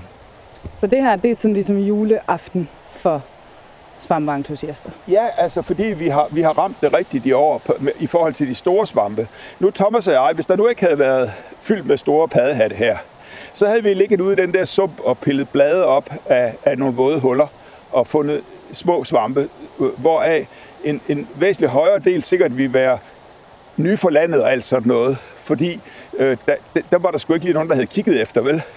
Det var ikke fordi, de nu pludselig kommer. Det er jo fordi, vi har en kolossal diversitet, ingen har prøvet på at udrede. Altså, vi regner med, at vi har over 10.000 svampearter i landet.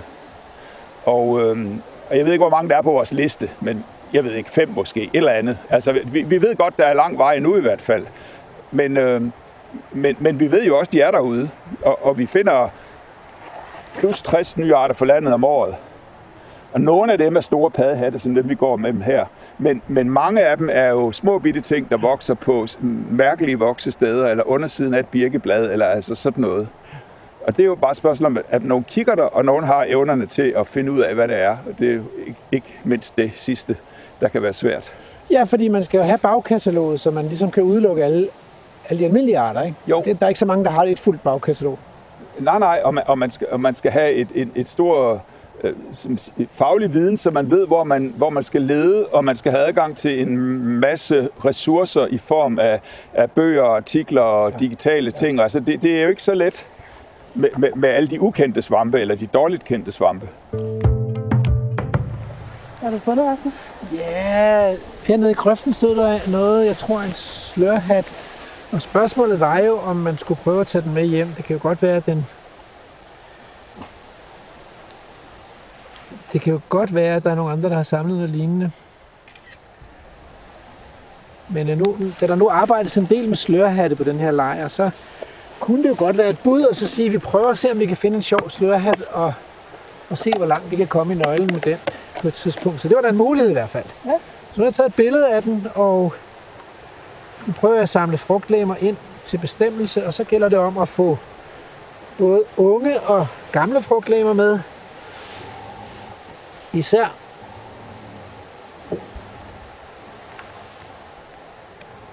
det er utroligt, som det træ her ved siden af mig knirker. Sig lige til, hvis, det, hvis der er noget, der falder ned. Jeg kunne godt, øh, jeg kunne godt høre det. Kunne du høre det? Jo. Det var en lidt skummel lyd. Ja. Det knurrer af mig. Nå, men øhm, der var en ung en også. Og man skal forsøge også at få... Det kan også godt være, at det er en hjelmhat der. Jeg ved sgu ikke, om det er en slørhat. Vi får se. Jeg tror, vi prøver at mase ind igennem det der løvskov derovre. Yes, vi prøver. Du lytter til Radio 4. Nu er, er det et rigtig godt spørgsmål, hvor, hvor i alverden Thomas og Jens de er forsvundet hen. Fordi der, Kan du se den? jeg synes, der var noget derovre. Der er, vi maser os igennem lidt brumba her.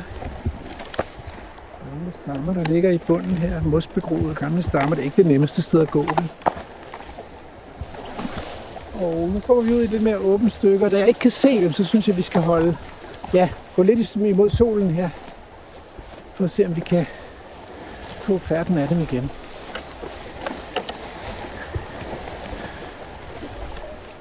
Yep, Hvad retning kom det fra? kom derovre fra. Okay.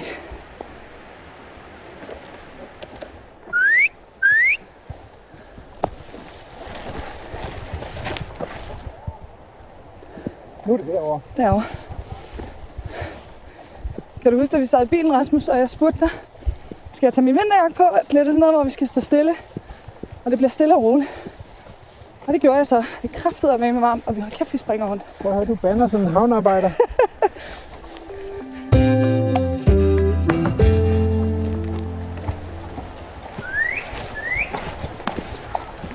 Yep. Yep. Nu, nu er der kontakt igen. Det var godt.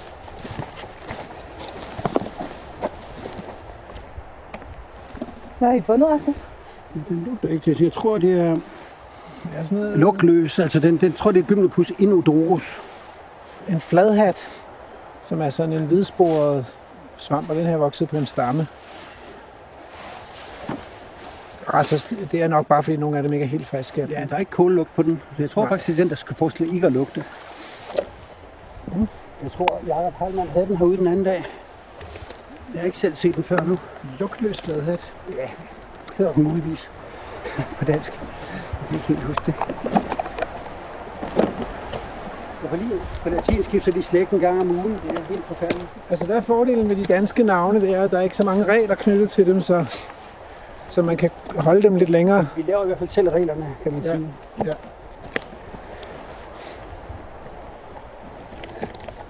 forstår ikke, hvorfor, hvad, hvad mener I med, at de latinske navne skifter? Ja, men det, altså, det, der er jo sådan et sindrigt øh, Så tror man, det er system. en fladhat. Næste uge tror man, det er en bruskat. Og næste uge tror man, det er en anden slags bruskat. Ja. Og der er fem-seks slægtsnavne, der konkurrerer med hinanden. Og vi har været dumme nok til at basere vores måde at arbejde med svampe på, på nogle få arter i Nordeuropa. I stedet for at se på det store billede ude i verden. Og der, når man gør det, så ændrer alt sig. Så bliver det, man troede var en meget veldefineret gruppe, pludselig til en ikke veldefineret gruppe, og der opstår andre nye grupper. Så det, det er en af, det er et af problemerne. Og altså, der er jo de der, der, der er sådan nogle regler og principper for navngivning. Øhm, og, og de er ikke så nemme at følge, hvis ikke man har styr på det. Og styr på alle den variation, der er. Der går vel også... Der er en tung lovbog. Koden for den internationale nomenklatur. Det er, det er lige virkelig for de jurastuderende for at forstå den bog. Og Det er det, en ting, det er selve lovgivningen omkring navnene, men, men hvor de hører hjemme rent, rent slægtskabsmæssigt, det, det er jo så det, der også styrer navnene. Navne skiftende. Og udover at, at, at man gør nye erkendelser, når man studerer svampene globalt, så gør man også nye erkendelser, når man så studerer dem genetisk. Så der dukker også nye opdagelser op om, hvordan de hænger sammen. Hele tiden så igen. Ja, ja. Fordi det er så dårligt en udforsket gruppe. Der er relativt få, der arbejder med det, hvis man ser på gruppens størrelse. Ja. Problemet er enormt. Ja. Det er artsrigdommen. Det er det fascinerende ved svampe, den store artsrigdom, der, der samtidig er med til at give os problemer. Og svampenes ustadighed, altså, fordi kommer vi om 14 dage, så ser vi noget andet, end vi ser i dag. Det gør vi. Bare det, jeg var her i forgårs, så nu ser jeg nogle helt andre ting i dag. Ja. Med piksvampe og trækkanteraler. Det kan vi lige at se. Ganske smukt. Det er nemlig smukt. Nu vil vi fortsætte ned langs med den grøft her. Og der skal man jo bare have kigget på svampe hundredvis af gange, før man er helt sikker på, at det vi stod og kiggede på der, det var piksvampe, og de har pigge på undersiden, og man behøver ikke at vende dem om for at vide det. Men, øh, men det, det er det der med, at der er ikke rigtig noget, der erstatter det der med at have set de der svampe 100 gange. Det er det fuglefolkene, som alle kalder gis. Og her har vi den med de grønne spidser, koralsvampen. Og jizz er ligesom bare den fornemmelsen. Fornemmelsen. Rasmus, sagde du, I kaldte det jizz? Ja, jizz. Altså, det betyder jo noget helt andet på engelsk. Altså, hvad betyder det på engelsk? det, det, Det betyder da, det er et begreb, der kommer fra engelsk. ja, det betyder altså sæd. Der gik du fuldstændig i stå der i skoven, øh, Emma, Ja. øh, i befibbelse over jizz. Jamen, det, det gjorde jeg. Det har jeg sgu er ikke en, der hørt. kan sit engelske. Så det var et ord, man fik sveder for i England. Ja, da jeg var barn derovre. Ja. ja for søren, det måtte man ikke sige. Nu skal vi have fat i den store, øh, den store skørhatte. Den store russermand. Hvad siger du? Jeg har fundet en utrolig grim, men til gengæld stor skørhat her, med meget, meget orange sporer. Ja, og, og det var en, jeg, jeg, jeg forsøgte at bortforklare i mange år, fordi jeg ikke troede, vi havde den rigtigt sådan på den måde i Danmark. Er- Hele Bornholm er dækket af den, den hedder mandelskørhat. Jeg Øhm, godt på, det, om det var den. Ja, vi har set den igen og igen og igen på dagene her, og den er også andre steder i landet, men, men i lang tid, der, der, der var jeg tilbøjelig til at forkaste folks mandels, mandelskør hatte på svampeatlas, fordi jeg ikke rigtig troede på det. Sådan at de der, de der jyder, de kan blive klogere, når de kommer langt øst på nogle gange. jyske æsler, de skal ud at rejse. Det er jo det. Men, øh, men jeg troede, de skulle stå med, med fyrtræer. Den står over det hele Okay. i det her, Okay. det skal jeg sige. Men der er ikke nogen... Okay. Ja. Nå, men en flot stor skørhat med meget sådan, øh, man kan se sporstøvet farver, lamellerne nærmest øh, orange-gule her. Ja, mandelskørhat. Bum, det var da, det var da glad for lige at se.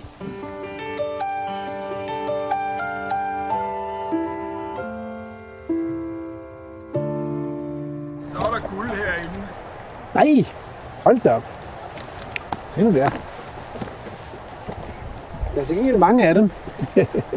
Men der er måske også Sammenlignet direkte med den anden. stået nogle glade mykologer og kigget. Ja. Okay. Alright. Ja, de er forskellige, ikke? Så Jo. det der sådan, det er, jo, det er jo næsten sådan, det ved jeg ikke, det er sådan creme, ferskencreme farve, det der. Og ikke, og og slet ikke med så tydelige øh, ribber som på, på trækkantarlen. Og så, så har den et gyldent skær over sig. Et gyldent aprikosagtigt skær over den stok der.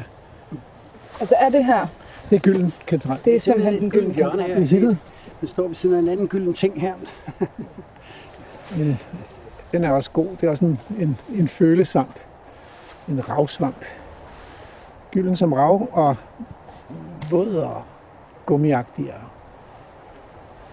Det er den englænder, der kalder jelly baby. Jelly, jelly baby.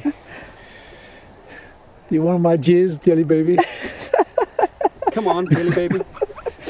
Jeg vidste ikke, det var, det var sådan en her tur. Sorry, jeg undskylder til alle Radio 4 og lytterne. Og det kom bare, jeg har sådan en lille, du ved, hvad det, det hedder.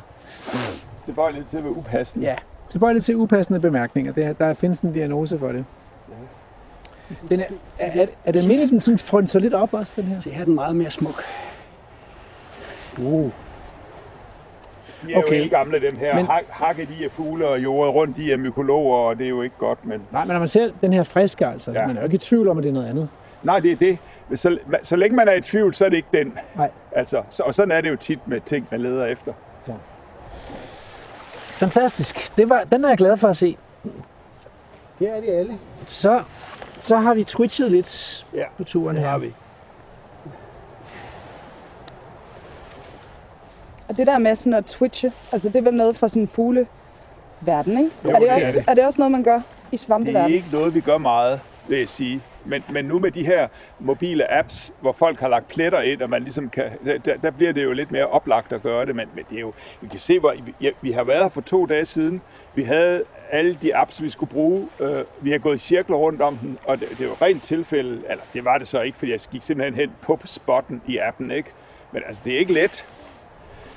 Det, det, er, det, er, jo, det er jo lettere nok at stå på et eller andet dige med sit teleskop og scanne ud over nogle tusind gæs og finde den afvigende, end det er at finde den her plet i den her grænskov.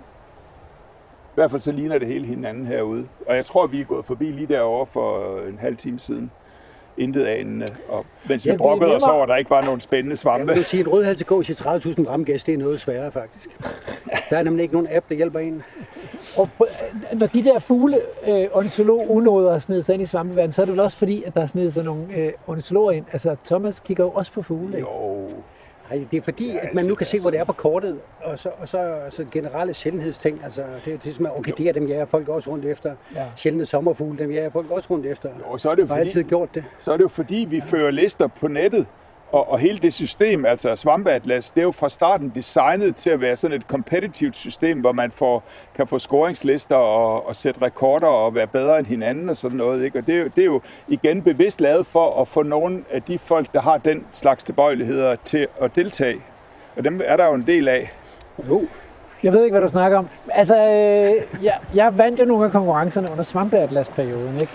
Det, det var der så kun én grund til, det var, at, at I var så flinke ikke at lade Thomas tælle med i konkurrencerne, så vi slap for at konkurrere med Thomas, ikke? fordi det er jo bare umuligt. Altså.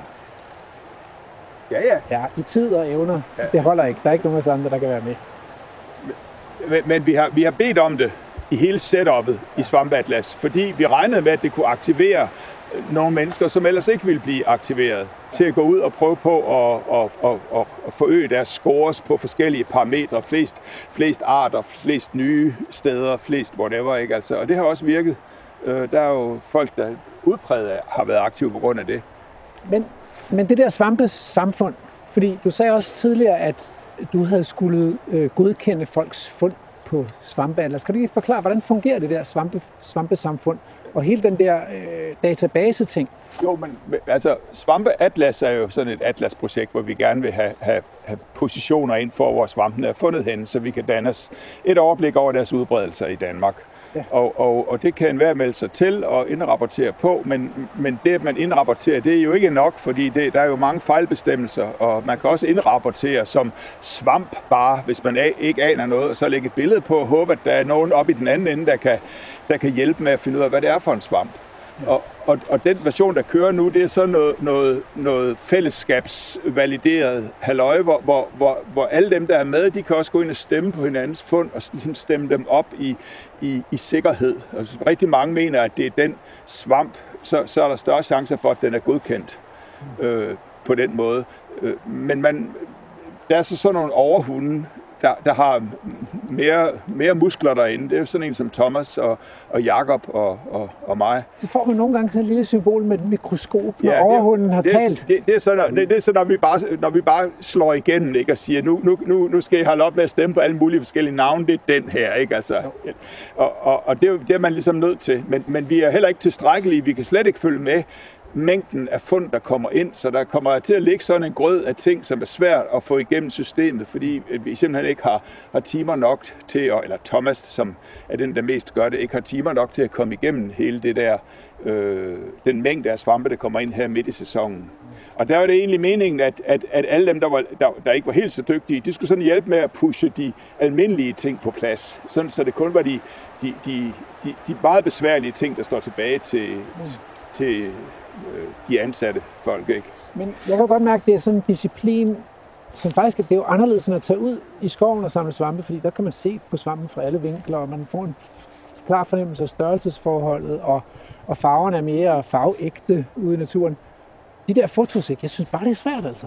Det er som om, at det, at det er noget, man skal, man skal træne sig særskilt op i at tolke fotos. Det tror jeg også, det er. 100% Og man, man skal ligesom mentalt kunne, kunne abstrahere fra de mærkelige farver, de får fra diverse Ja. telefonkameraer og sådan noget. Men, men man bliver også dygtigere og dygtigere til det, vil jeg sige. Og, og Det er jo præcis det samme, bare værre endnu. For dem på giftlinjen, der får vi også billeder af sådan nogle knuste svampe, der er været forbi et barnemund. Og dem skal vi også gætte ud fra billeder.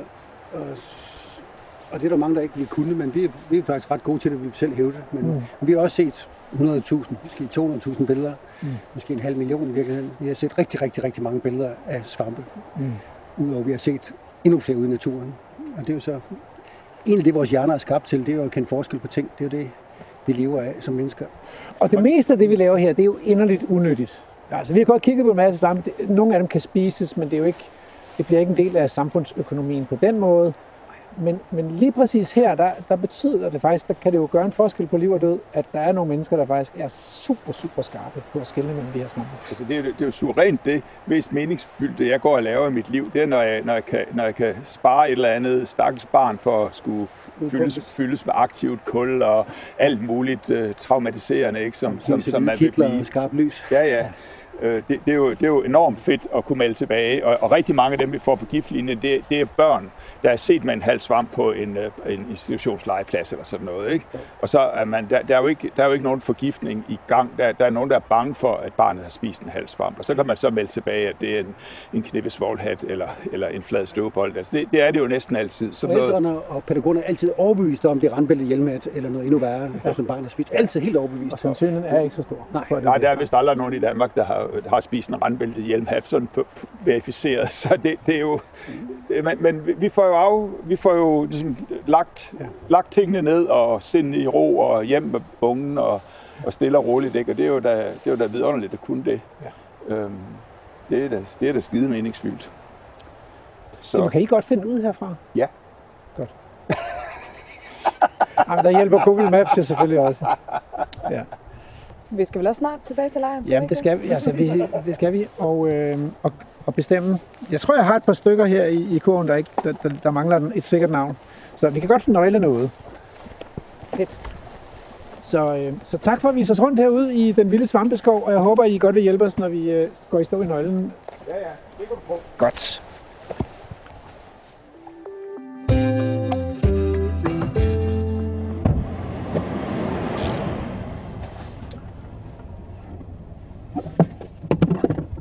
Så er vi frem ved en rødmalet koloni af sådan nogle træhuse her. Det hedder naboen, det synes jeg er meget hyggeligt. Der ser helt vildt hyggeligt ud. Og man kan se, at vi er landet det rigtige sted, fordi ind igennem de der vinduer, der kan man se, at der øh, står mikroskoper, oh, ja. og der sidder oven i købet mennesker ved mikroskoperne, så vi er simpelthen ankommet til svamplejren. Så skal vi gå ind og se, Ja. om der er nogle svampe derinde. Spændende.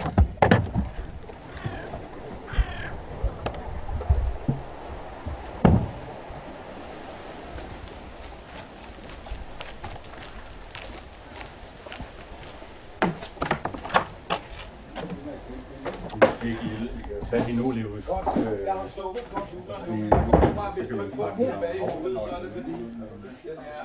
Og hvis man nu skulle beskrive synet her, ikke, så er der et travlt lokale med mennesker, der sidder bøjet over mikroskoper og computer og svampe.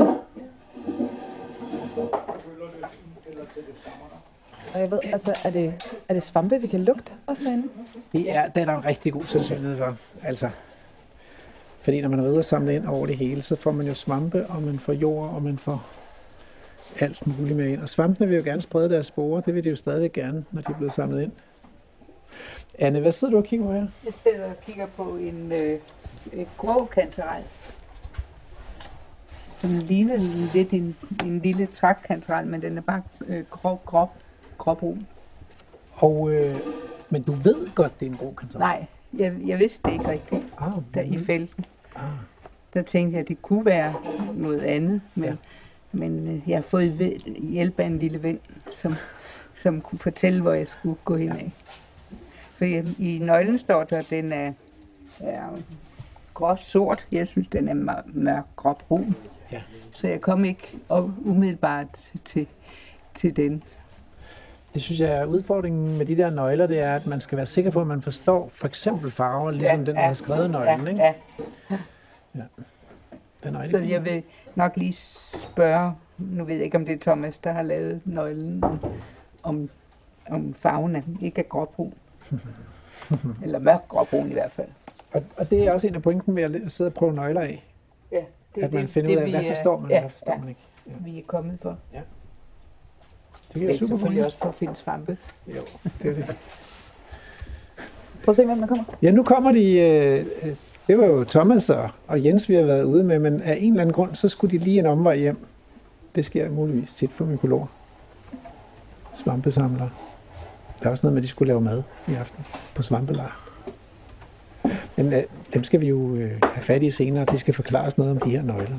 De her mystiske nøglesystemer, som alle sidder og bruger og øver sig i.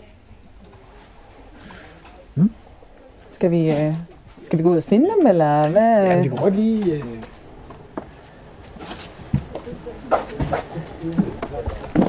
Nå, der var I. Der var vi. Det var vi nemlig. Vi har hørt, at I skal lave mad i aften, så... Øh... Ja, ja, ja. Rolig nu. De tror jo, vi tror, at vi skal bruge fire timer på at lave mad. Det skal vi altså ikke. Vi skal bruge en time og et kvarter. Det er vi blevet advaret om, at, øh, at du er... Er de nok ikke, for, er de nok ikke få noget at spise i år? Nej, men, øh, men jeg tænker, at, at i aften, der skal I lige øh, afsløre nogle flere hemmeligheder om det der nøgleværk der, og de der mærkelige julenøgler. Vi, vi skal Jule- vide noget mere, Julelejene. men, øh, men det kan godt vente til... til Julens gaver kommer til den, der kan vente. Ja, ja, ja. Det, det Jeg har lige fundet poronia-punktage. Ikke? Lige hernede på marken. I ser sgu sådan lidt glade ud. Jamen, der var en smuk sti dernede, og Thomas han mener, at det var, at det var sådan en... Thomas, Thomas hævder, at det var en sendsti, men var han i sendmode, når han styrtede rundt fra hestelort til hestelort. Det var, men Jeg slapper helt af. det var en Det sendsti. for Bornholm. I nyere tid, tror jeg. Ja. Om der er nogle gamle. Hun skal jo gøre det. Hvad er det, de har fundet? Priksvamp. Stor priksvamp, som på et, altså på et tidspunkt forsvandt den bare fra flere og flere lokaliteter. Den voksede på hestepærer, ikke? Gamle hestepærer fra heste, der er gået og spist noget groft substrat. Sådan nogle naturplejeheste. Ja, og den har været uddød i Danmark i, i en længere årrække. Øh, Måske ikke, men Og det troede vi i hvert fald. Den har ikke været registreret i en lang årrække, og det var det samme mønster over, over store dele af Europa. Den, den tordnede tilbage, der blev skrevet sørgeviser til dens Det er Perone, ja, oh, Perone, ja. Præcis, ja. Men, men her i nyere tid, der er den så begyndt at komme frem igen, formodentlig fordi der går nogle heste, der lever på en anden måde. Øh, den blev vist først fundet op på Frederikshavn, ikke? Og, men nu er den forskellige steder. Og nu er den også på Bornholm. Igen. Der var ikke meget. God gammel ven. Kom så. Herligt. Jamen, øh, vi ses derinde lidt senere ved, ved nøglerne og spisebordet. Ja.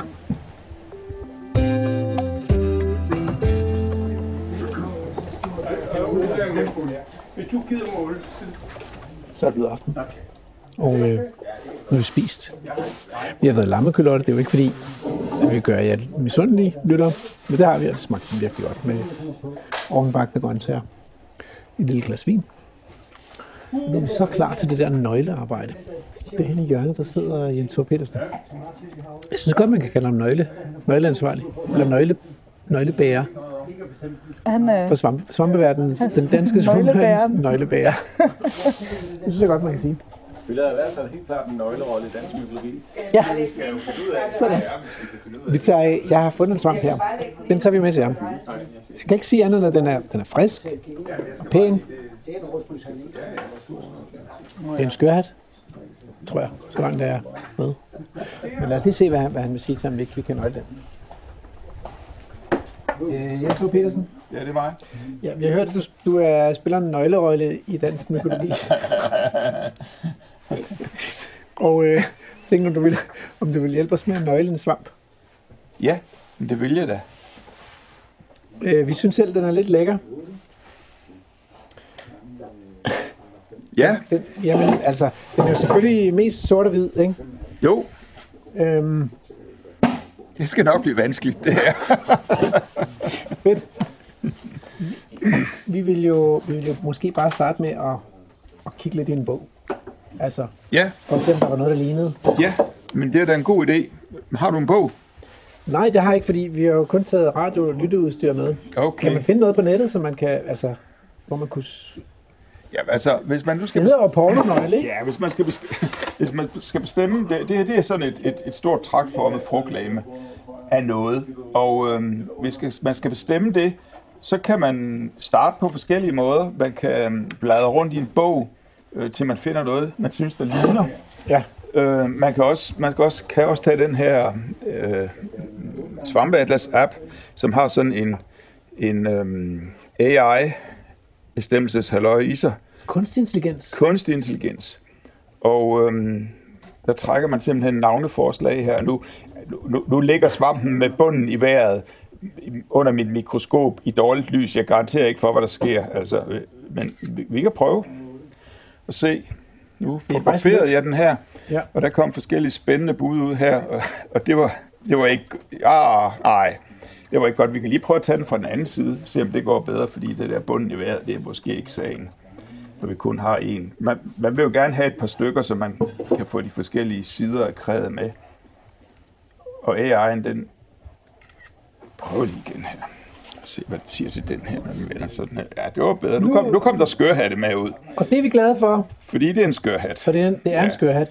Det- Men det- den adskiller sig fra mange andre skørhatte ved, at den ikke har nogen af de der pastelfarver, øh, Ja, det er sådan en, en, rød og grøn og blå og alt muligt, som mange af dem har. en stor, kraftig en, som, øhm, som har brun farve på hatten. Og, øh, og man kan ligesom ane, at den, at den bliver øhm, farvet ved, ved såring.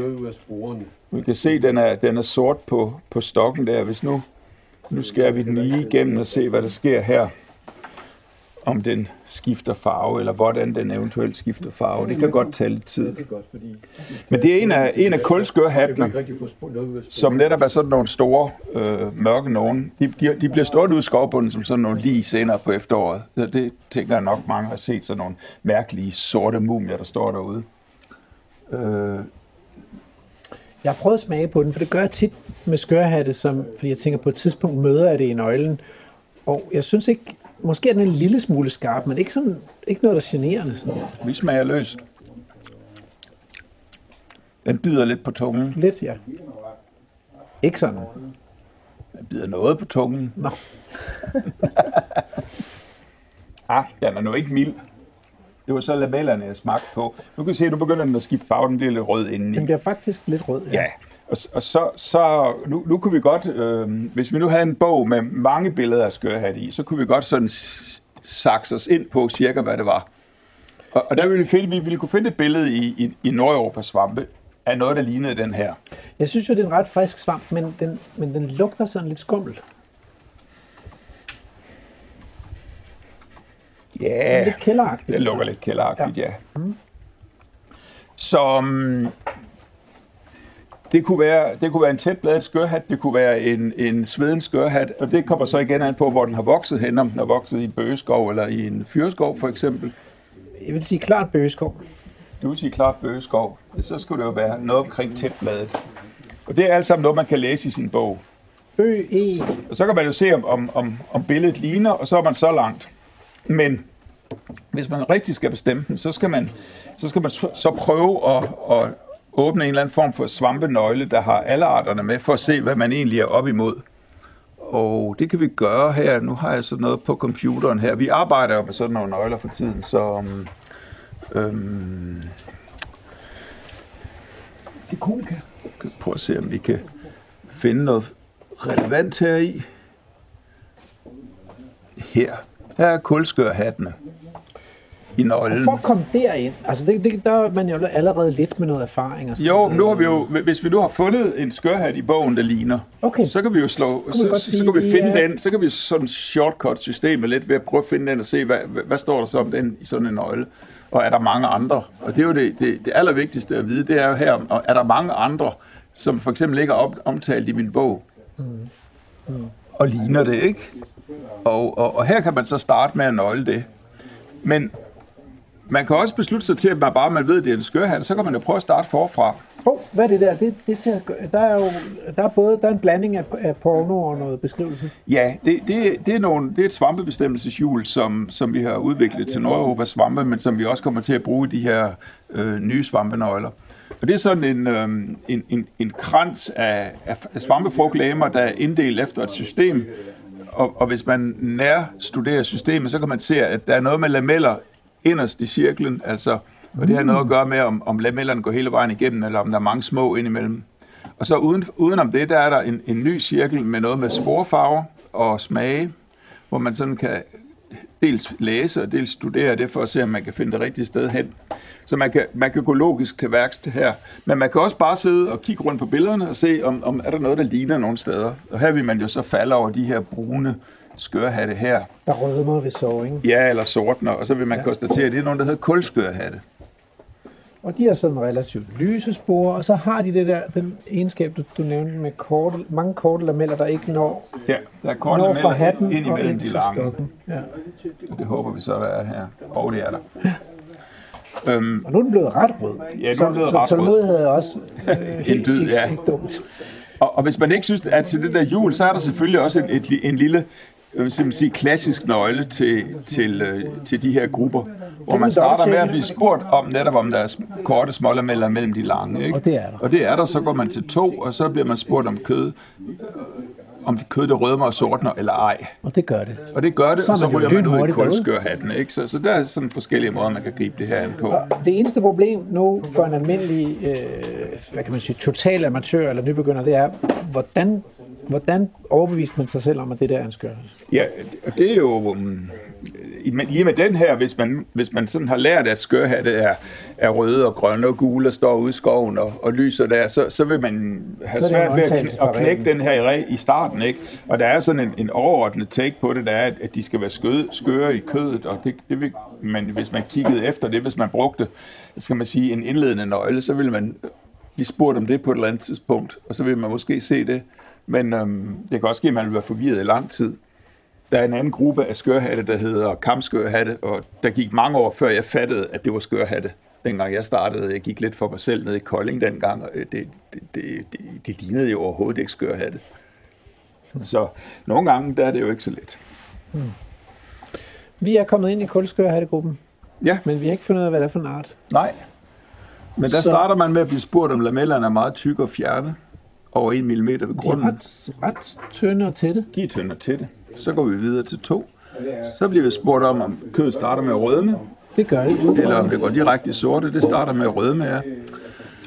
Og så går vi i tre, og så bliver vi spurgt, om lugten er som vinfad. Det, mit problem er, at den det kan jeg faktisk godt, jeg kan kunne godt overbevises om, at den lugtede af kælder og vinfad. Tja, og det kan da godt være, og hvis du siger det, så skal du så sige, at la- lamellerne er hvid- middeltætte, og den i nåleskov, ikke? Men vi, lamellerne er sådan set måske endda meget ret tætte, De er meget tætte. og du Ja, har sagt, at den gror i løvskov. ja så og jeg har set den der nogle gange, men jeg synes heller ikke, den rigtig ligner. Så der må man, der må man lige så tænke, Jeg at synes, det, den er mere brun faktisk. øh, Den, den, den her, den har sådan ret øh, gråsort og hvid. eller Jo, jo. Creme. Så må man jo tænke over, nu er der sådan et nøglepunkt der, det, det består jo af nogle modsvarende spørgsmål, ikke? Så, så i den øverste linje, der står der lugt som vinfad eller fugtig kælder, og så den, det modsvarende, det er så lugt svag, og det næste, det er så lameller middeltætte, og det modsvarende, det er så lameller ret tætte til tætte. Og end, endelig så er der i nåleskov, det modsvarer så er i løvskov. Så man har tre led, man kan, man, man kan se på. Og, og den overvejende øh, sandsynlighed, det er, at man skal gå videre, fordi det er det, der passer bedst, ikke? Jo. Og- og jeg- lugt- det lugte er irriterer mig, Det irriterer mig, jeg synes, den lugter af Ja. øh, kælder, ikke? Jo, sådan er det. Hvad, hvad synes du, Emma? Jeg synes, den lugter lidt af jord. Men det ved jeg ikke, om det er... Den smagte lidt skarpt, jo. Så skal man, i næste punkt, der skal man så forholde sig til, om lamellerne er mildsmagende til, til mere eller mindre skarpe, skarpe ikke, ikke gaffeldelte, eller om lamellerne er skarpsmagende, ofte gaffeldelte nær stokken. De er faktisk gaffeldel, den her stok. Det er de. Og de er også moderat skarpsmagende. Nå, men så er vi jo kommet i mål. Øh, så kunne vi være kommet i mål, øh, og så hedder den Rusland Rosio Nigra, og er ikke kendt fra Danmark. Nej, gør den det? Nej. Nej, det tror jeg altså ikke. Tror jeg ikke. Oh, kan vi ikke komme op? Jo- jumpede jeg noget her? Ja, det synes jeg, du gjorde. Ja, men det... Nå jo, jo, jo, okay. Vi skal allerførst, vi skal først forholde os til, om, om, om, om hatten er Fedtet slimet. nej, relativt stor. Ikke? Og relativt stor. Relativt stor. Og lameller skarps med ofte gaffelgrenet nær stokken i løvskov. Nej, nu er vi her. Ja, men, der, men så kommer den der. Skarpsmagene ofte Ja, ja, okay. Så, så, løvskov. så det er godt, vi har nogen, vi kan, der kan læse indenad. At det, det er ikke usædvanligt, man handler i noget, der ikke, fedt- af noget, der ikke er kendt for Danmark. Og så går man tilbage og ser, hvad man gjorde galt, eller også så har man fundet noget fedt. Ja. Øh, men 50 til til 120 mm, det kan sgu passe meget godt på det her, ikke? fordi den er vel 85 eller sådan noget. Ja. Og den fedtet slimet på hat over siden, ja, det er sådan lidt, den er fedtet, fedtet af den, Den vil kunne klare en kysseprøve. Ja. Så med, med den lille revision, eller tilbagenøgling, der ender vi nok i skarbladet skørhat Rusula agrifolia. Det er mindre radikalt, Ja, det er mindre radikalt. for den er kendt for Danmark. Og, øhm, og det, man, det man så kunne gøre nu, hvis man var i besiddelse af et mikroskop, det var at prøve at lave et præparat og se, hvordan sporene ser ud. Fordi man kan jo se, der er nogle små sportegninger med her. De er jo, de er jo ret forskellige. Ja. Og man kan også se på størrelsen her, at den der, den, den ukendte svamp, den har noget større sporer. Så Ja. man kunne også måle på de her sporer og, og konstatere måske noget der. Så der er nogle forskellige håndtag, man kan trække i. Så sådan er det. Emma, er du, Du tryg, tryg ved at, øh, at tage på svampetur nu? Og så komme hjem og bruge nøglerne og Ej, servere svampe for familien? Og... ej, det er jeg ikke. Nej. Jamen, Men jeg synes, jeg synes det, er, det, det ligner jo noget, jeg godt ville kunne finde ud af, men jeg skulle virkelig bruge lang tid på at træne det. Men du er blevet, altså, du er blevet lidt pirret Ja. med tanken om måske at gå i gang med at bestemme svampe. Altså, jeg synes i hvert fald, det var, jeg, synes, jeg kunne godt lide den der æstetiske oplevelse, vi havde i dag ved det. Sådan. Det synes jeg skulle være fedt. Det synes jeg er en drivkraft, altså. Hvad Men siger er- æstetikeren? Prøv at se der, for Ej. eksempel. Det er flot. Det er vildt, altså. Det er helt vildt flot. Æstetikeren siger, at hver år der fotograferer han sin ø- yndlings minisvamp, regnehuesvamp, og det er altid vidunderligt. Har I fundet den? Ja, ja, den er, den er jo pisse almindelig. Man skal bare finde mange løv sent på sæsonen og grave sig ned i bunden, så sidder de der. Og de er jo ikke større end 4 mm eller sådan noget. Men når man så fotograferer dem tæt på, så, så er det jo så er det jo skønt. Det må man sige. Vildt smukt. En, øh, hvor mange lameller er der på den svamp der? Ja, hvad er der? 10 stykker måske? 10 lameller, ikke? Og hver af dem har sådan en gylden, en gylden rand, og hatten har en gylden rand langs med kant. Det er som om, den drøber, drøber guld, ikke? Jo, og så er den så sjov, fordi svampe, også svampenes frugtlæmer, de består af hyfer, som er sådan nogle aflange cellerækker, øh, sådan nogle tråde af celler, og, og hos netop den her svamp, der er de sådan meget, meget tydelige, man kan se dem på de her makrofotografier, så man kan virkelig se, hvordan svampen er kontrolleret, eller kon, kon, konstrueret, ja, altså det, det, er jo, det er jo vidunderligt, også ud fra et pædagogisk synspunkt. Så den, den holder jeg meget af at fotografere. Hvis man kigger efter herinde, så kan man se, at, at, at, at sporene sidder herinde på lamellerne, på siderne af lamellerne. Ikke? Som små krystaller. Ja, de er sådan nogle små lysende punkter. Sukkerkrystaller, Hvis ja. jeg var gået tættere på, så ville man sikkert se, at de sad sådan 4-4, fordi de sidder på toppen af basidierne, men det er vi ikke helt tæt nok på til at se her. Nu har jeg vist desværre smidt svampen ud, så... Eller hvad? Det skulle være den anden boks. Har du en boks, Thomas, derovre? Nej. Hvor er sekundærboksen gået hen? Nå, den ligger nok ude i bilen, så. Men det er en dejlig lille svamp. Det er det. Ja, det er en af mine yndlinge. Og, og det, man, sådan noget kan man, hvis man ved, hvor man skal kigge, så kan man, det, det er sådan, at man altid kan gå ud og finde, hvis man skulle få det sådan. Jeg har lyst til at blive lidt, lidt opstemt. Jamen, øh, øh, tak. Og jeg tror, jeg vil tage den der skabblad slørhat med hjem øh, til, til min computer, og så kan jeg jo lægge den ind. Det kan du. Så kan du se, om du kan få den godkendt. Jamen, er det ikke, stempler du den ikke bare nu? Vi har kigget på den. Jo, jo, nu må vi se. Tak.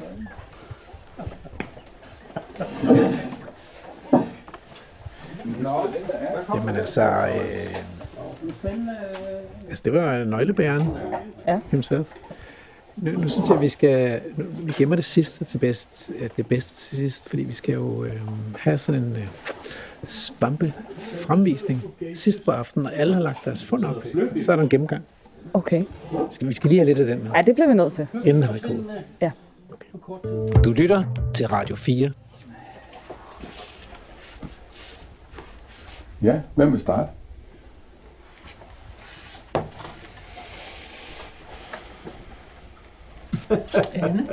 Mig? Ja. Ja, jeg fandt en, jeg tror er øh, navlepiksvamp. Nu ved jeg så ikke, hvor I har fundet den den første dag. Kan I huske det? Det var vist i Døndalen. Jamen, så, så øh, behøver vi i hvert fald ikke at gemme den. Men jeg har lagt den ind.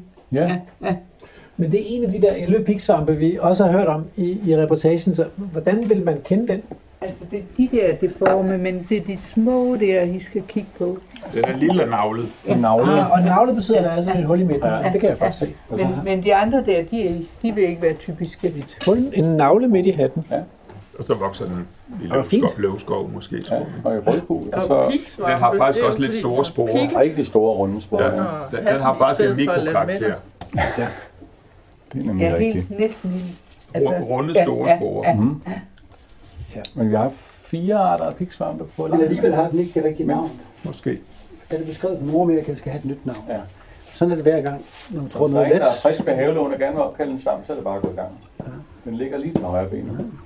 Samme sted havde jeg en øh, grå kantarel. Vi var lidt i tvivl om, det var en øh, liden kantarel eller grå kantarel. Men den har rimelig mørke farver, og så er den øh, ret fine eller gode lister, mens lidende, de, de er ikke så listet. Det er nok faktisk listet omtrent som, som øh, trækkantareller. Mm-hmm. Den havde vi også. Den er fin. Der er jo to arter, Men den anden skulle man skal ikke... være opmærksom på. Ja, men den ene er jo ikke fundet, siden den blev beskrevet fra typen, og jeg var inde og kigge på, øh, at, at, at den nærmest er, er, er ITS-identisk med trækkantaral. Så måske er det bare øh, en meget mørk trækkantaral, som er blevet beskrevet endnu en gang. Så jeg inde på IUCN's hjemmeside. Og ellers, øh, inden vi giver... Altså, vi har jo en, en guds velsignelse af, af, af små brune slørhatte, som, som især i mørket er alle slørhatte brune.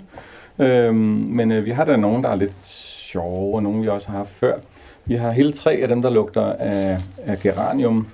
Øhm, øh, den store her, øh, som egentlig er et nåleskovs taxon, altså et eller andet som mest findes i nåleskov, men, men vi er ret sikre på, at det er den, der hedder Cortinarius lindstrøm, i sådan en, en stor, varm farvet øh, hat, øh, eller art med, med, med kun lidt småskældet i, i, i hatkanten, og en tid, ret kraftig lugt.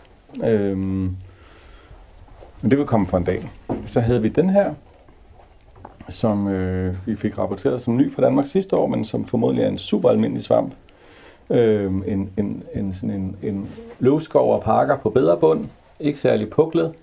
Øh, den kan godt være lidt violet, øh, når den er helt ung, men det mister den hurtigt, og så er den øh, fint småskældet oven på hatten, øh, og hedder geraniumslørhat, Cortinarius geraliolens.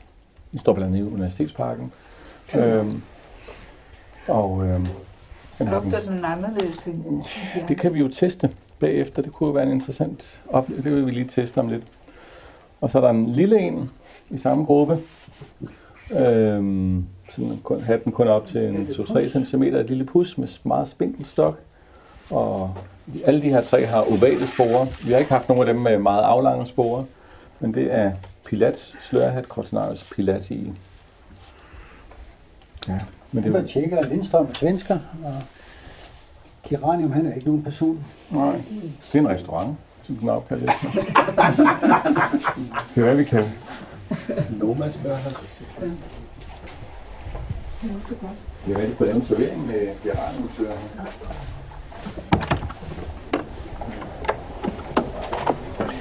Nu stikker vi lige af, fordi øh, altså, der er jo stadigvæk mange svampe, der skal præsenteres ind på bordet. Men vildspor lakker mod enden. Og vi skal også nå øh, ugens haiku. Det skal vi.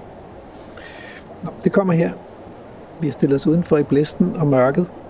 Og det lyder sådan her. Gylden gemmeleg.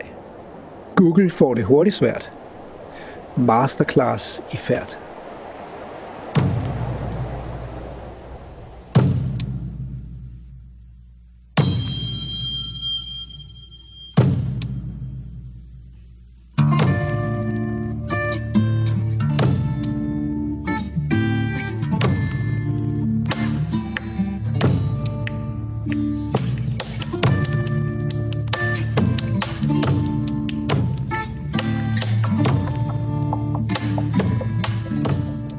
Programmet er produceret af Folkeuniversitetet og Aarhus Universitetsforlag for Radio 4 med delvis støtte fra Ove Jensen Naturfond.